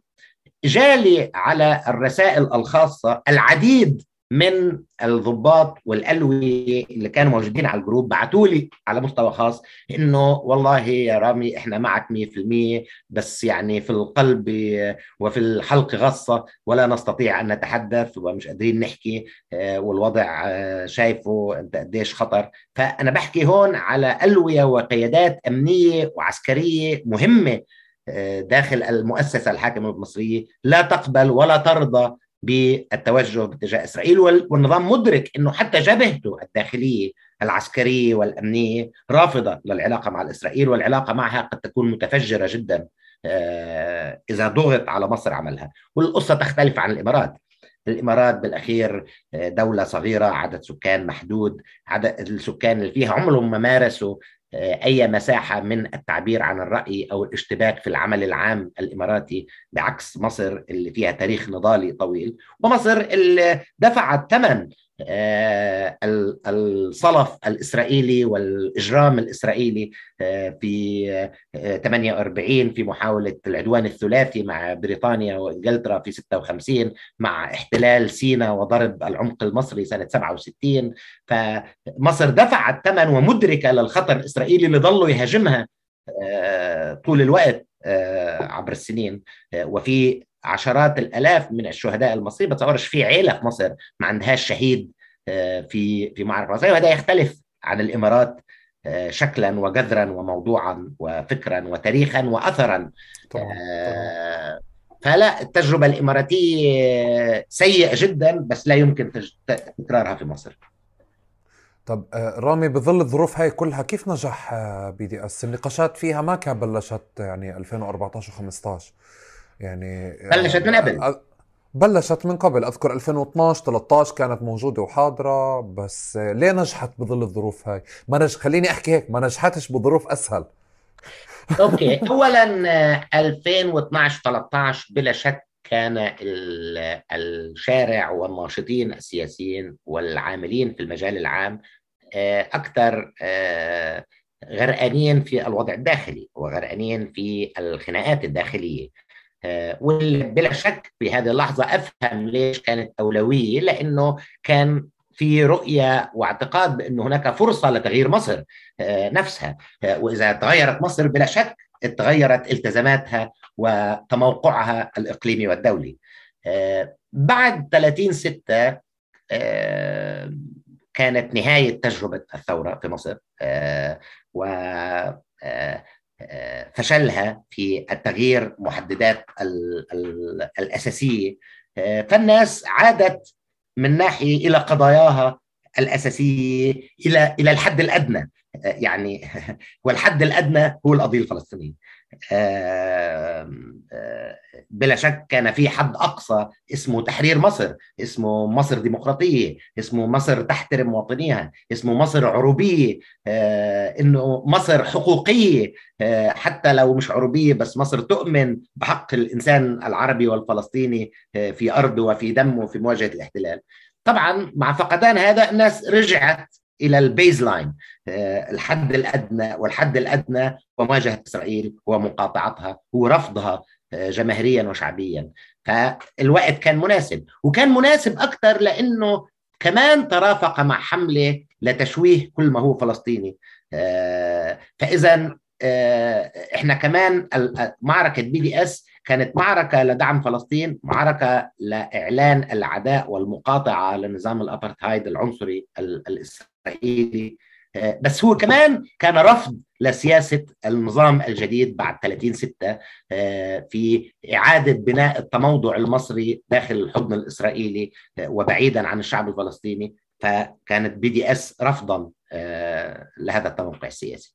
فالوقت بالعكس هو الوقت الصحيح كان ال BDS أكثر من اي شيء اخر أنا أنا حبيت حبيت التفسير تبع الحد الأدنى وال baseline آه وبالوصف هذا اللي أنت عملته أنا بوافقك لأنه حتى هذا بفسر كيف نقابة الصحفيين ايا كان مين مين جوا النقابة ايا كانت الأجواء السياسية فيها ايا كان النظام في حد أدنى مينيموم لأنه نقابة الصحفيين تأخذ اعتراف أو تأخذ شرعية بدها تشتغل بمكان ما بلحظة ما على القضية الفلسطينية. بتعرف كنت بشوف شيرين أبو عقلة يعني آه، وقت استشهادها في في نقابة الصحفيين بمصر. وأنا بالنسبة لي بتعرف يعني هذا الدرج في له يعني تاريخ. زي روح روح قدسية ما. بس هيك حاسه بشبهش. بس بقول هدول الجماعة يعني شو بساووا؟ إنه ليه صحيوا هلأ؟ بس هو حرفيا هو الحد الأدنى وال baseline. رامي بدي بدي من بعد إذنك على على ال BDS آه، آه، إخفاقاتها وأبرز إخفاقاتها وأبرز نجاحاتها. وكون قاسي بالإخفاقات. طيب حبدا بأبرز النجاحات. آه أبرز أنا بحب أنهي بالإيجابي عشان نطلع اللي بعده بس طبعا. يلا. آه أبرز النجاحات بلا شك إنه آه أكبر تحالف سياسي اجتماعي مصري لدعم فلسطين بشكل واضح. آه أبرز نجاحاته إنه اعاد إحياء الحديث في الشارع المصري عن القضية الفلسطينية. آه أبرز نجاحاته هو إعادة فكر مقاومة إسرائيل.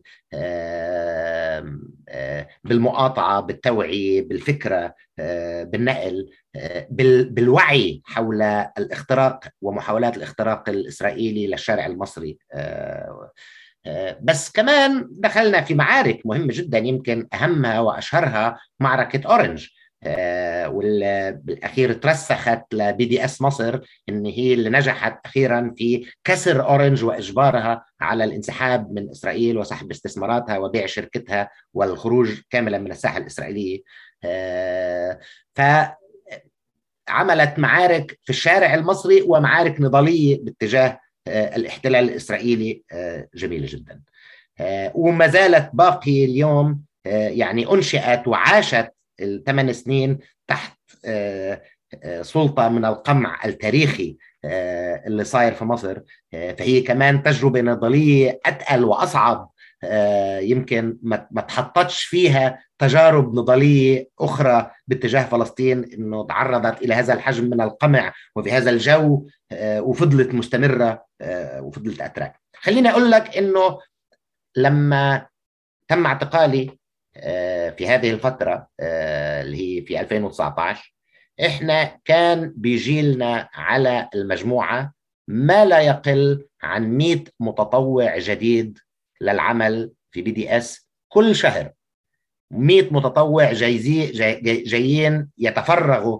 ومعظمهم ناس عاديين ما لهمش علاقة بالسياسة مش ناشطين ومش ايديولوجيين. آه ناس جاهزة تيجي تتطوع تعمل مهام آه تشتغل ميديا آه تجمع معلومات تعمل research مستعدة تحط جزء رئيسي من وقتها في أعمال BDS آه بلا شك هذا كانت رسالة خوف للاحتلال الإسرائيلي بس كمان لحلفائه داخل النظام المصري. آه إنه الشعب المصري رايح بهذه القوة وبهذه الغزارة وبهذا التنوع باتجاه دعم فلسطين آه بأشكال مختلفة. آه بلا شك إذا BDS نجحت في إعطاء الناس هذا الإطار آه لتفريغ العمل لإيجاد venue يشاركوا فيه في فلسطين ففي رأيي هذا نجاح جدا ل BDS. طبعا BDS في المقابل آه، تعرضت إلى آه، أخطاء جزء منها تكتيكيه في يمكن بعض الاختيار للأهداف. فدخلنا في معارك مع الدولة أسرع من ما كان يجب. آه، يمكن كان أهم في الفترة الأولى ركزنا أكثر على الشركات والمنتجات والمؤسسات يعني المعارك الأسهل لتسمح بترسيخ فلسطين وترسيخ BDS.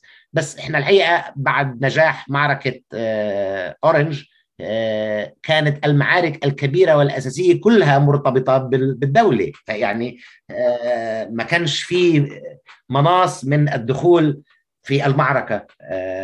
لأنه هاي معركة BDS جوا مصر. يمكن كمان الخطأ الثاني هو إنه BDS اتأثرت very early on في إطار يسار. رغم محاولاتنا طبعا مفهوم إنه اليسار وناشطيه هم الأقرب إلى فكر المقاطعة هم الأقرب إلى فكر دعم القضية الفلسطينية. بس كمان كان مهم الإبقاء على التوازن. حاولنا هذا نعمله دائما بس كان جزء مهم من الناشطين أقرب إلى اليسار. بس هو ما في غير طبعا. يسار كان وقتها. ليش بتعتبرها إخفاق هاي؟ معلش بدي أقاطعك بس. لا إخفاق لو اتوصمت لأنه إحنا كنا بنحاول بقدر الإمكان. رغم إنه آه أنا يسار وفخور إني يسار. لا لا فاهم. لا أنا مش BDS ضل جامع على مصر خارج إطار آه الأيديولوجيات يعني هي فوق إطار الأيديولوجيات. okay تمام.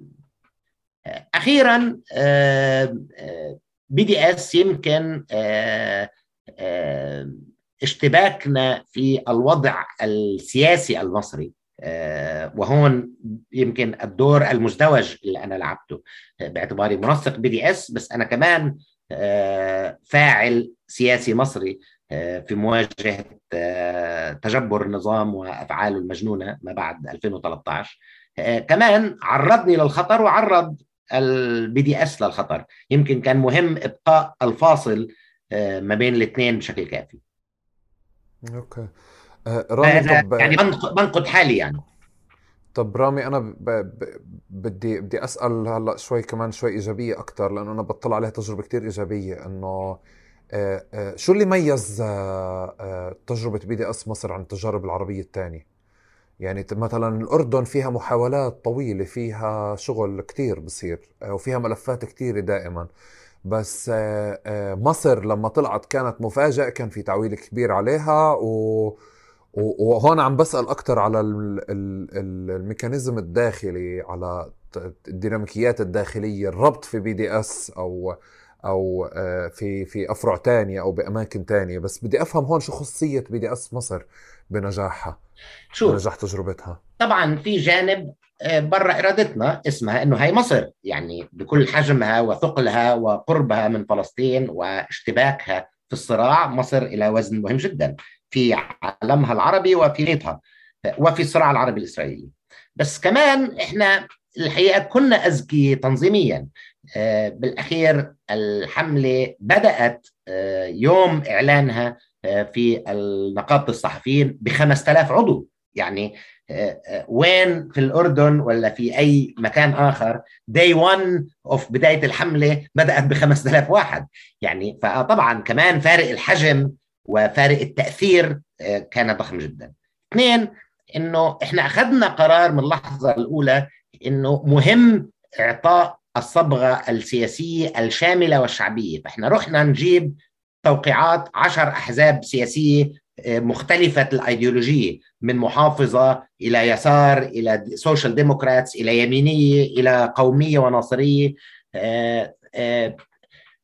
ويمكن بالذات ما بعد 2013 مع انهيار السياسة المصرية وانهيار السياسة في الشارع المصري تحت واقع الضربات الأمنية كانت BDS هي العمل السياسي الوحيد الجامع لمصر. يعني أنا بتذكر في بعض الاجتماعات هالأحزاب كان مجال اجتماعهم الوحيد هو اجتماع BDS هو الاجتماع الوحيد اللي حيشوفوا فيه بعض. ما عندهم venue آخر للعمل المشترك ما بين القوى الحزبية إلا كان BDS طيب ثلاثة إنه رغم هذا الدور والمهم والغطاء السياسي والداعم لوجود BDS من الأحزاب السياسية ومنظمات المجتمع المدني والشخصيات العامة إلا إنه أبقينا قيادة الحركة لدى الشباب المستقلين.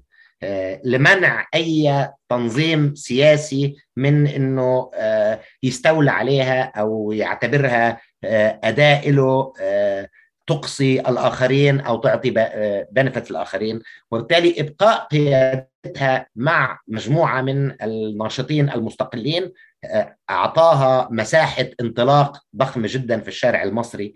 آه عندها الحماية والغطاء من أحزاب رسمية وسياسية بس هي منفتحة على الناس بكل أشكالها فاجتذبت آلاف البشر. ثلاثة أنه التزمت الحركة بمعايير التنظيم المجتمعي في العلاقة بالناس وبالتالي ما ما بيناش. تركيبة هرمية بنيناها عبر دوائر من العمل يعني صحيح أنا كنت منسق عام الحملة بس بالأخير أي أصغر عضو في الحملة كان له نفس وزني في القرار وفي التصويت وفي وفي النقاش السياسي. هذا بفكرتين اولا فكرة كلنا مستقلين وكلنا متطوعين بس كمان إنه القيادة عبارة عن دوائر ما هياش هرميه فما كانش في قيادة. وهاي كانت جزء من درس ثورة يناير. وبالتالي اندماج الناس وعدم إحساسهم بالوصاية كان أقوى فالتركيب الإداري للحملة التركيب السياسي للحملة اختيار وقت التوقيت كان ثلاث عوامل أدت إلى نجاحها بهذا الحجم وبهذه القوة في مصر طيب رامي اعتقالك صار 2019 صح؟ جولاي 2019 آه شو التهم الرسمية وشو وشو سلسلة التهم اللي تحقق معك عليها الفعلية؟ يعني شوف أنا اعتقلت سنتين ونص تحت التحقيق أه وحقق معي مرة واحدة لمدة 45 دقيقة أه عبر السنتين ونص أه وهذا في نيابة أمن الدولة العليا والجلسة بدأت ب يعني أسئلة عن رأيي في ثورة يناير وعن انتخبت مين في رئاسة الجمهورية وبعدين بدأت أنرفز إنه يعني شو علاقة الأسئلة بإني معتقل وكنت في اختفاء قسري في أمن الدولة قبل التحقيق. إيش أنا معت... ليش أنا معتقل؟ فقال لي أوكي أنت متهم بالانضمام إلى جماعة إرهابية. فضحكت. قلت له إيش هي الجماعة الإرهابية اللي أنا منضم لها؟ قال لي ما أقدرش أقول لك. أنا متهم جزء من جماعة إرهابية ما بيقدرش يقول لي على اسمها. فضحكت. قال وأنت متهم بنشر أخبار كاذبة تضر سمعة البلاد باستخدام شبكات التواصل الاجتماعي. قلت له بس أنا ناشط معروف صار لي 30 سنة. والناس تتمسخر علي إن أنا ما عنديش أي social platform أنا ما عنديش فيسبوك أنا ما بعرفش كيف بيشتغل. يعني في حياتي من يوم بدا قال لي معقولة. ليه كده؟ قلت له يعني من يوم ما بدأ وأنا بالنسبة لي ال social networks هي مجال لاختراق خصوصيتك ومعرفة شبكات علاقاتك وردود أفعالك. أنا طول عمري رفضت حتى يكون عندي صفحة على الفيسبوك وفضلت الشغل في الشارع والشغل مع الناس بشكل مباشر. قال لي طب أمال نشرت أخبار كاذبة إزاي؟ قلت له قلت له ما أعرف. يعني أنت اللي عم تتهمني.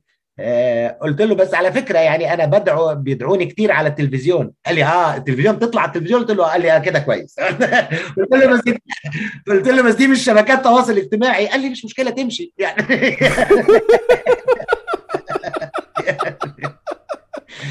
يعني اللي بدي أقول لك يا هذا هو مستوى السخف في الاتهامات. يعني هو كمان اللي معك عارف إنه هي أصلا مش اتهامات يعني هو ما عندوش إشي يعني لو عنده تهمة ولا عنده دلائل ولا عنده قرائن ولا عنده أحداث ما عندوش إشي يعني. فهو يعني التهمتين هدول هم الكوكتيل الدائم والرسمي لوضع الناس في إطار أمن الدولة العليا ومحكمة أمن الدولة العليا وبالتالي إبقائك في السجن indefinitely بنفس طريقة الاعتقال الإداري ال ال الإسرائيلي لشعبنا الفلسطيني. هي نفس الطريقة. هو إعطاء تهم فضفاضة وتركك تحت الاعتقال المفتوح سنين طويلة بلا محاكمة وبلا قضية. هاي كانت اتهاماتي طبعا بعد تسعة أشهر من اعتقالي وأنا موجود في السجن اكتشفت من الجريدة إنه حطوني في قضية تانية. وأنا في السجن وبدون ما يحققوا معي فيها ولا حتى يسألوني وأنا عندهم والقضية أحالوها لقاضي والقاضي حكم علي بوضعي في قوائم الإرهاب وبالتالي أصبحت في قوائم الإرهاب من إبريل 2020 رغم إنه القضية الثانية أنا موجود في السجن ما حققوش معي ولا خدوني للمحكمة ولا بلغوني ولا بلغوا المحامي. عرفت الخبر والتهمة والحكم من من الجريدة وأنا جوا السجن. آه آه يعني ف آه للأسف هاي آه هاي وضع مصر الحالي ووضع القمع فيها. آه هو استخدام آه كوكتيل من الاتهامات بلا أساس. وهم عارفين إنه بلا أساس تجاه عشرات الآلاف من المصريين. ورميهم في السجون لكسر الشارع وترهيبه ومنعه من الحكي أو الحراك بأي اشكاله هاي كانت تهم يعني بس أنت بتفكر يعني بتعرف النظام يعني كمان بحسب شو بساوي بسويش شوي. بس يعني إنه اعتقل رامي وقاوم كثير الإفراج عنه. يعني صحيح. ما كانش هواين أنا أنا بالنسبة لي من برا يمكن تحليلا كنت بفكر أو بقول وشوية معلومات كانت إنه حتى وضعك على قوائم الإرهاب هو إشي لصد الوسطات اللي كانت بتجود أو مفهوم. أو أو الطلبات اللي كانت بتكون مفهوم بس ليه النظام اعتقلك رامي أنت بتفكر يعني النظام قال في الشهر الأول لاعتقالي إلى أطراف من ال... زي ما أنت حكيت أطراف كثير تدخلت ل للضغط على الإفراج عني. ففي الشهر الأول لاعتقالي بلغ أحد هذه الأطراف إنه اعتقالي قرار إقليمي وأنه هو قرار إسرائيلي إماراتي بالاضافه بالإضافة إلى القرار المصري. وطبعا إماراتي هون أشار إلى محمد دحلان تحريضا. وبالتالي مفهوم النظام الأمني المصري كان متوترا من اشتباكي في القضايا الداخلية المصرية مع رفضي للسكوت والقبول بالقمع ما بعد 2013 ومع اشتباكي في قضية الفلسطينية واللي بالنسبة إلى النظام قضية محرجة جدا داخليا بالنسبة للإسرائيل طبعا كما تواجه كل من يقاومها في كل مكان في العالم فكان التحريض علي واضح. ونفس الشيء الإمارات. ولكن بتصور الست أشهر الأخيرة كان لي دور كبير في رفض صفقة القرن وفي فضح الدور المصري في صفقة القرن وفي فضح الدور الإماراتي في صفقة القرن. يوم 25 جون اللي هو كان مؤتمر المنامة الاقتصادي. أنا كنت في مؤتمر موازي وبديل في بيروت لمواجهة مؤتمر المنامة.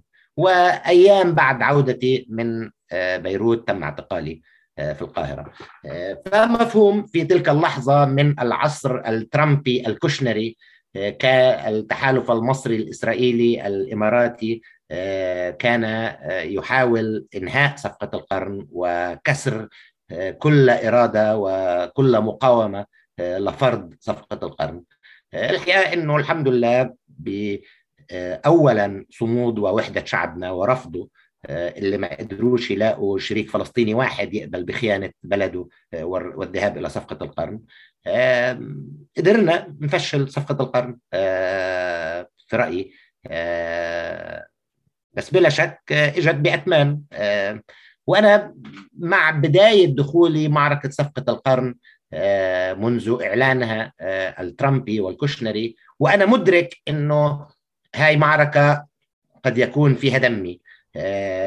بس بس هاي معركة تستاهل إنه يندفع فيها ثمن رامي سريعا ليه ليه ليه محمد دحلان تحديدا؟ يعني محمد دحلان اولا في رأيي هذا شخص يعني بدون استخدام ألفاظ الخيانة المعتادة هو شخص سيء جدا للأسف هو شخص دمر وكان له عامل تدمير ضخم في المؤسسة الفلسطينية، شخص تورط في فساد وضخم في الفترة ما بين 94 وبداية الألفينات و وأعمال مرتبطة بالاستخبارات الإسرائيلية بأشكال مختلفة كان قامعا ومعذبا في سجون الأمن الوقائي للكثير من المناضلين الفلسطينيين. كان أبو الخمسة في المية والنسب والعمولات على كل مجال. بعد ال 2000 ازداد الخطر وتورطه مع دايتون و التحالف الجديد للتخلص من ياسر عرفات ولتغيير السلطة الفلسطينية والتآمر والتحريض على السلطة والقيادة الفلسطينية.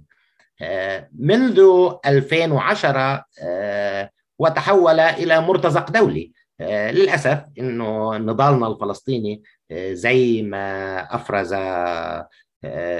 دلال المغربي وفاطمة البرناوي و وآلاف المناضلين و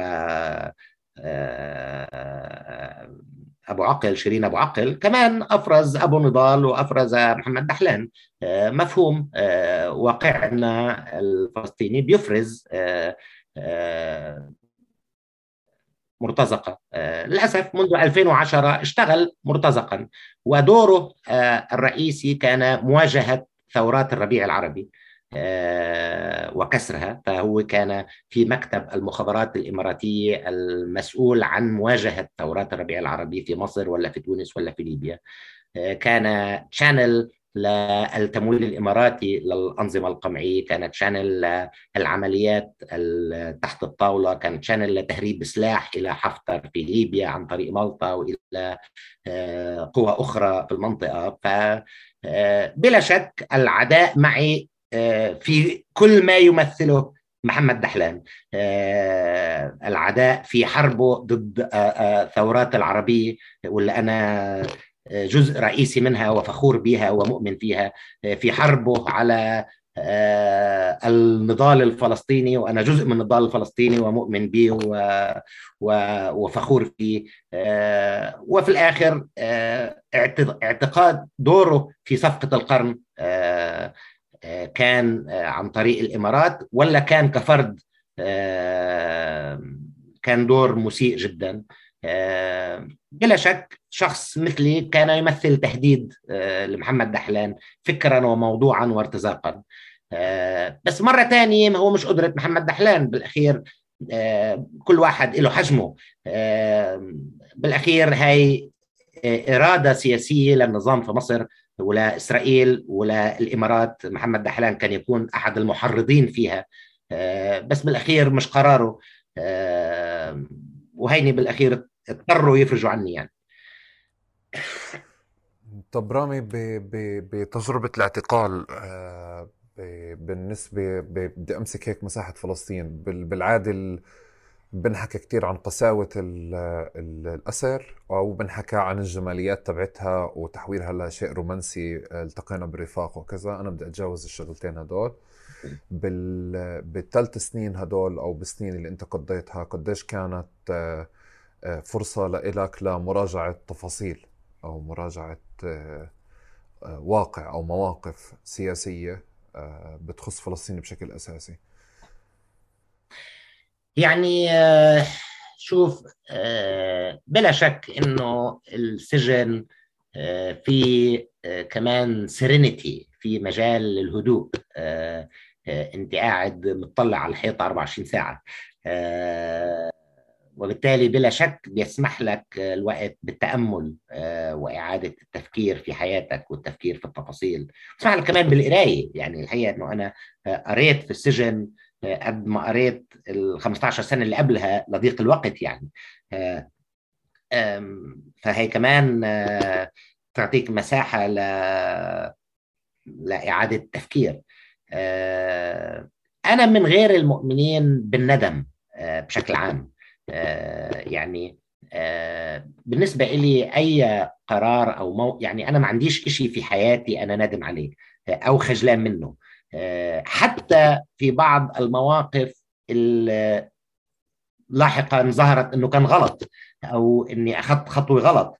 بالنسبة لي هذا كان الصح في وقتها وفي لحظتها وفي ما توفر لي من معلومات وقناعة.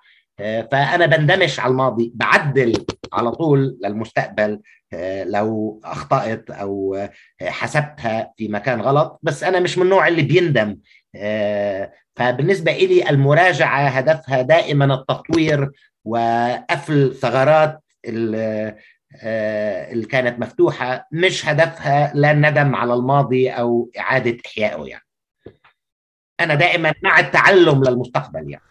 طيب أنت أنت جاوبت على سؤال الندى وأنا كنت بتجنبه بس بدي أقول إنه تجربة السجن خلتك أكثر تمسكا ب ب بفلسطين هزتها بأماكن طلعت بقناعات غير بمواقف غير لأنه يعني بفكر أنا يعني في تجربة كتير قاسية كتير مكثفة موجودة. وهاي فكرة إنه أنت قاعد بخيارات مفتوحة وشايف الوسطات عم تنهار قدامك بحالتك واللي هو يمكن يعني هذا اي شيء أي معتقل سياسي في مصر يتبناه يعني بس أنت عم بتشوفها تنهار أمامك مش مش شيء هوين. فبجرب أشوف بس إذا صار في آه، هزة ما أو هو أكيد صار في هزة بس إذا بدك تحكي لي احكي لي. شوف بأمانة شديدة أنا آه يعني شوف أنا وصلت آه يعني هون هاي الجانب شخصي جدا. أنا وصلت السجن آه بعد الاختفاء القسري في أقبية أمن الدولة. أه وصلت السجن يوم أه 7 جولاي مساء.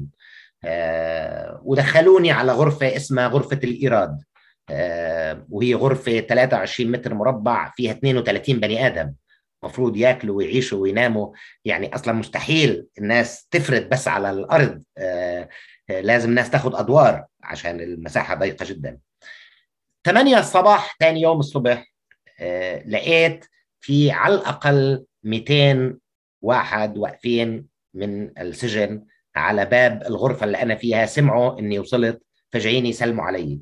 آه في أول آه كام ساعة كان عندي 10 كروسات سجاير و10 كراتين مي وأكل وثياب. تكفي كل غرفة الإيراد مش تكفيني. يعني أنا لبست وأكلت ال 32 اللي كانوا قاعدين معي. آه والمحبة كانت غامرة لدرجة أنا ما تخيلتهاش في حياتي. والحقيقة خليني أقول لك يمكن واحد أو اثنين اللي اعرفهم الباقيين ولا واحد منهم بعرفهم بس اجوا الناس تذكرني إنه أنا كنت معك في مؤتمر إيش تبع بي دي اس أنا كنت معك في القافلة اللي راحت لغزة أنا كنت معك في ميدان التحرير أنا كنت معك أيام محمد محمود فاكر المؤتمر اللي عملته لإيش؟ فالناس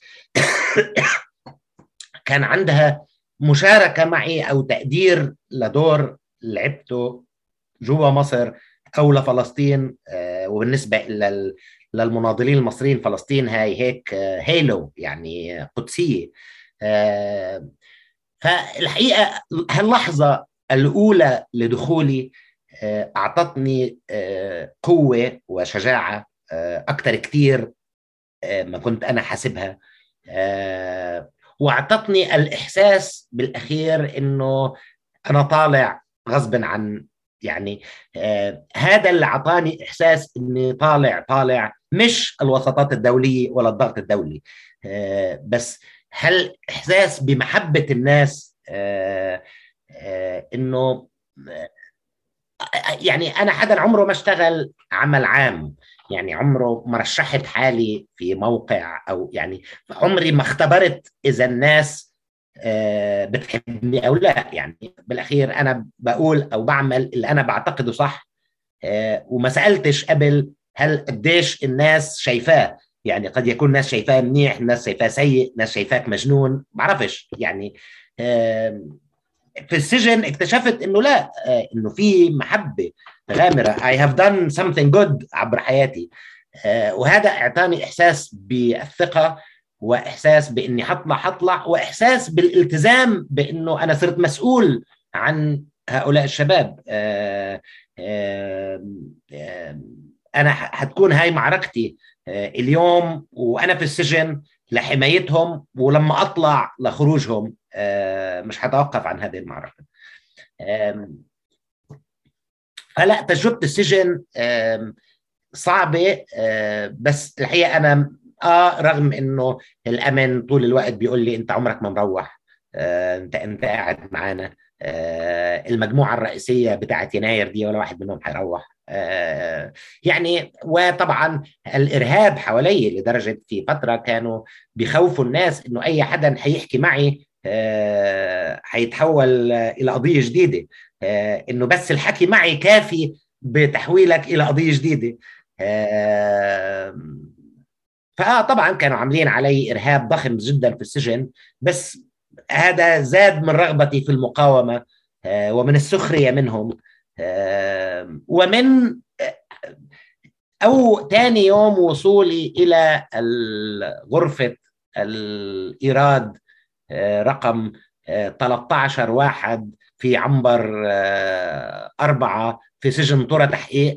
عملت أول محاضرة عن القضية الفلسطينية وأهمية التمسك ببي دي اس كعمل مقاطع توعوي لمواجهة إسرائيل. كانت أول محاضرة لي في الزنزانة 48 ساعة بعد الوصول رامي معهم حق ما يطلعوا كاش معناها. أنت مش جاي مش ناوي خير مش جاي تقعد عندنا هيك معتقل عادي عشان نروحك مرة ثانية لا ابدا. آه بالنسبة لي كان كان المعركة الرئيسية في السجن بالإضافة للحفاظ على نفسك والحفاظ على الآخرين وإبقاء الروح المعنوية هو إعطائهم رسالة إنه كل قمعكم مش هيغير أي شيء لا في رأيي ولا في قناعاتي ولا في قدرتي على الاستمرار. طب أنا أنا بدي أنهي سؤال يعني بدي أنهي بسؤال بعيد شوي ب... ب... هيك بحسه عاطفي. بمسار يعني بمسار الحملات للافراج عنك.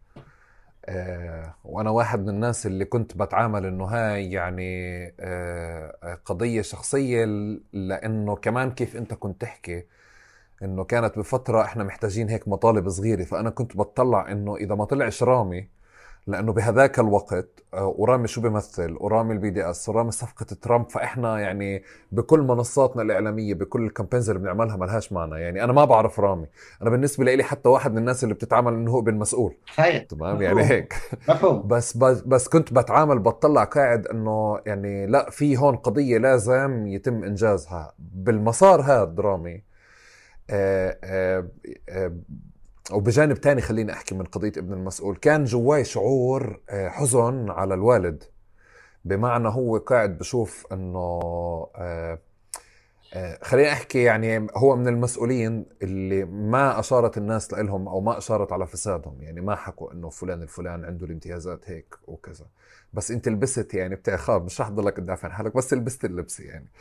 بس كان في شعور دائم موجود بحزن على على الوالد من إنه مش قادر يعني يحمي ابنه بمحل إنه كل هذا الإرث السياسي وكل هاي العلاقات. وحتى في حين هو ما كان يعني بمناصب بعيدة كان بمناصب كمان وبأدوار مش مش هوينة مش بسيطة يعني.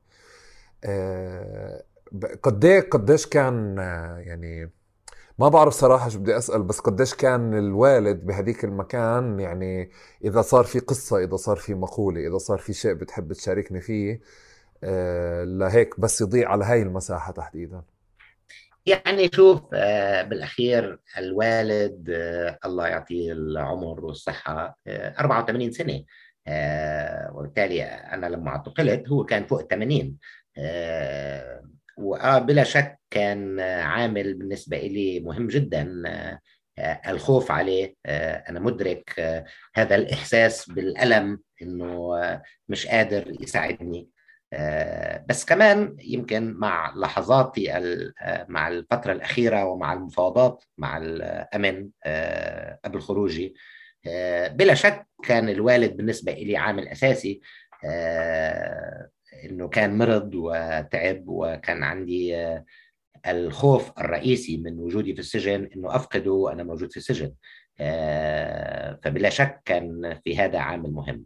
بس أنا يعني تاريخيا وفي خلاف سياسي مع الوالد. وتاريخيا بقول له ملكش علاقة بمعركتي. يعني أنا مدرك أنه أنت سياسي رسمي فلسطيني.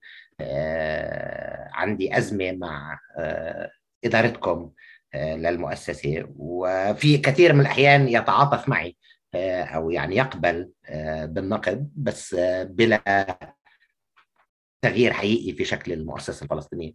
بس كمان جزء منها كمان كان نقدي على ابتعادهم عن مصر كمؤسسة فلسطينية. وابتعادهم عن الشارع المصري. يعني الحقيقة إنه كل المؤسسة الفلسطينية كانت مرتبطة بالنظام السياسي والأمني المصري وقت مبارك. مع نهاية النظام الأمني والسياسي لمبارك في 2011 السلطة الفلسطينية والمؤسسة الفلسطينية ما بتعرفش حدا في مصر خالص. يعني أنا حضرت في 2012 عزاء في مصر اللي كان حاضر فيه السفير الفلسطيني. والسفير الفلسطيني ما بيعرفش ولا بني آدم في العزاء العزاء كله رؤساء أحزاب و... وقيادات قوى نقابية وسياسية مهمة بيعرفش ولا بني آدم. هو ما كانش بيعرفه إلا ضباط أمن الدولة والمخابرات وبعض أعضاء الخارجية اللي بتع... وزاره الخارجية اللي بيتعامل معاهم نقطة اول السطر. آه الحقيقة إنه هاي خطيئة آه في الخ... خلال 15 سنة الماضية. فاه الوالد من ناحية آه أكيد حاول كثير أنا عارف و ولكن. هذا الجيل الجديد في مصر بيعرفش الوالد الجيل الحاكم يعني. ما فيش علاقة بينه وبينه. وثانيا هذا الجيل الجيل الجديد والمؤسسة الجديدة اللي ظهرت في مصر تموقعها السياسي هو ضد كل ما هو فلسطيني. كان فتح ولا حماس ولا رامي ولا نبيل ولا بلوط يعني القصة التفرقة ما بين الخطوط الفلسطينية محدودة جدا يعني. بالأخير أنت فلسطيني فأنت مشكلة. فآه أنا كان صعبان علي شعوره بالعجز عن مساعدتي رغم طلبي الدائم منه إنه تدخلش يعني سيبهم يفرغوا كل جبروتهم وقوتهم بشيلوا من علي العتب يعني, يعني. ف بس بلا شك هو تأثر جدا وساءت صحته جدا خلال الثلاث سنين الماضية. وزاد إحساسه بالعجز وزاد إحساسه ب إنه هذا الرهان على المؤسسة كان فاشلا. مش بس في القضية الفلسطينية أو القضية المصرية بشكلها العام بس حتى في قضية شخصية زي قضية ابنه. فهذا كان رهان خاطئ. وفي رأيي إنه في في المقابل مع دخولي المعتقل ووجدت الناس واقفة طوابير عشان تسلم علي وتعطيني دخان ومي بالنسبة لي كان رهان ناجح وكسبت رهاني.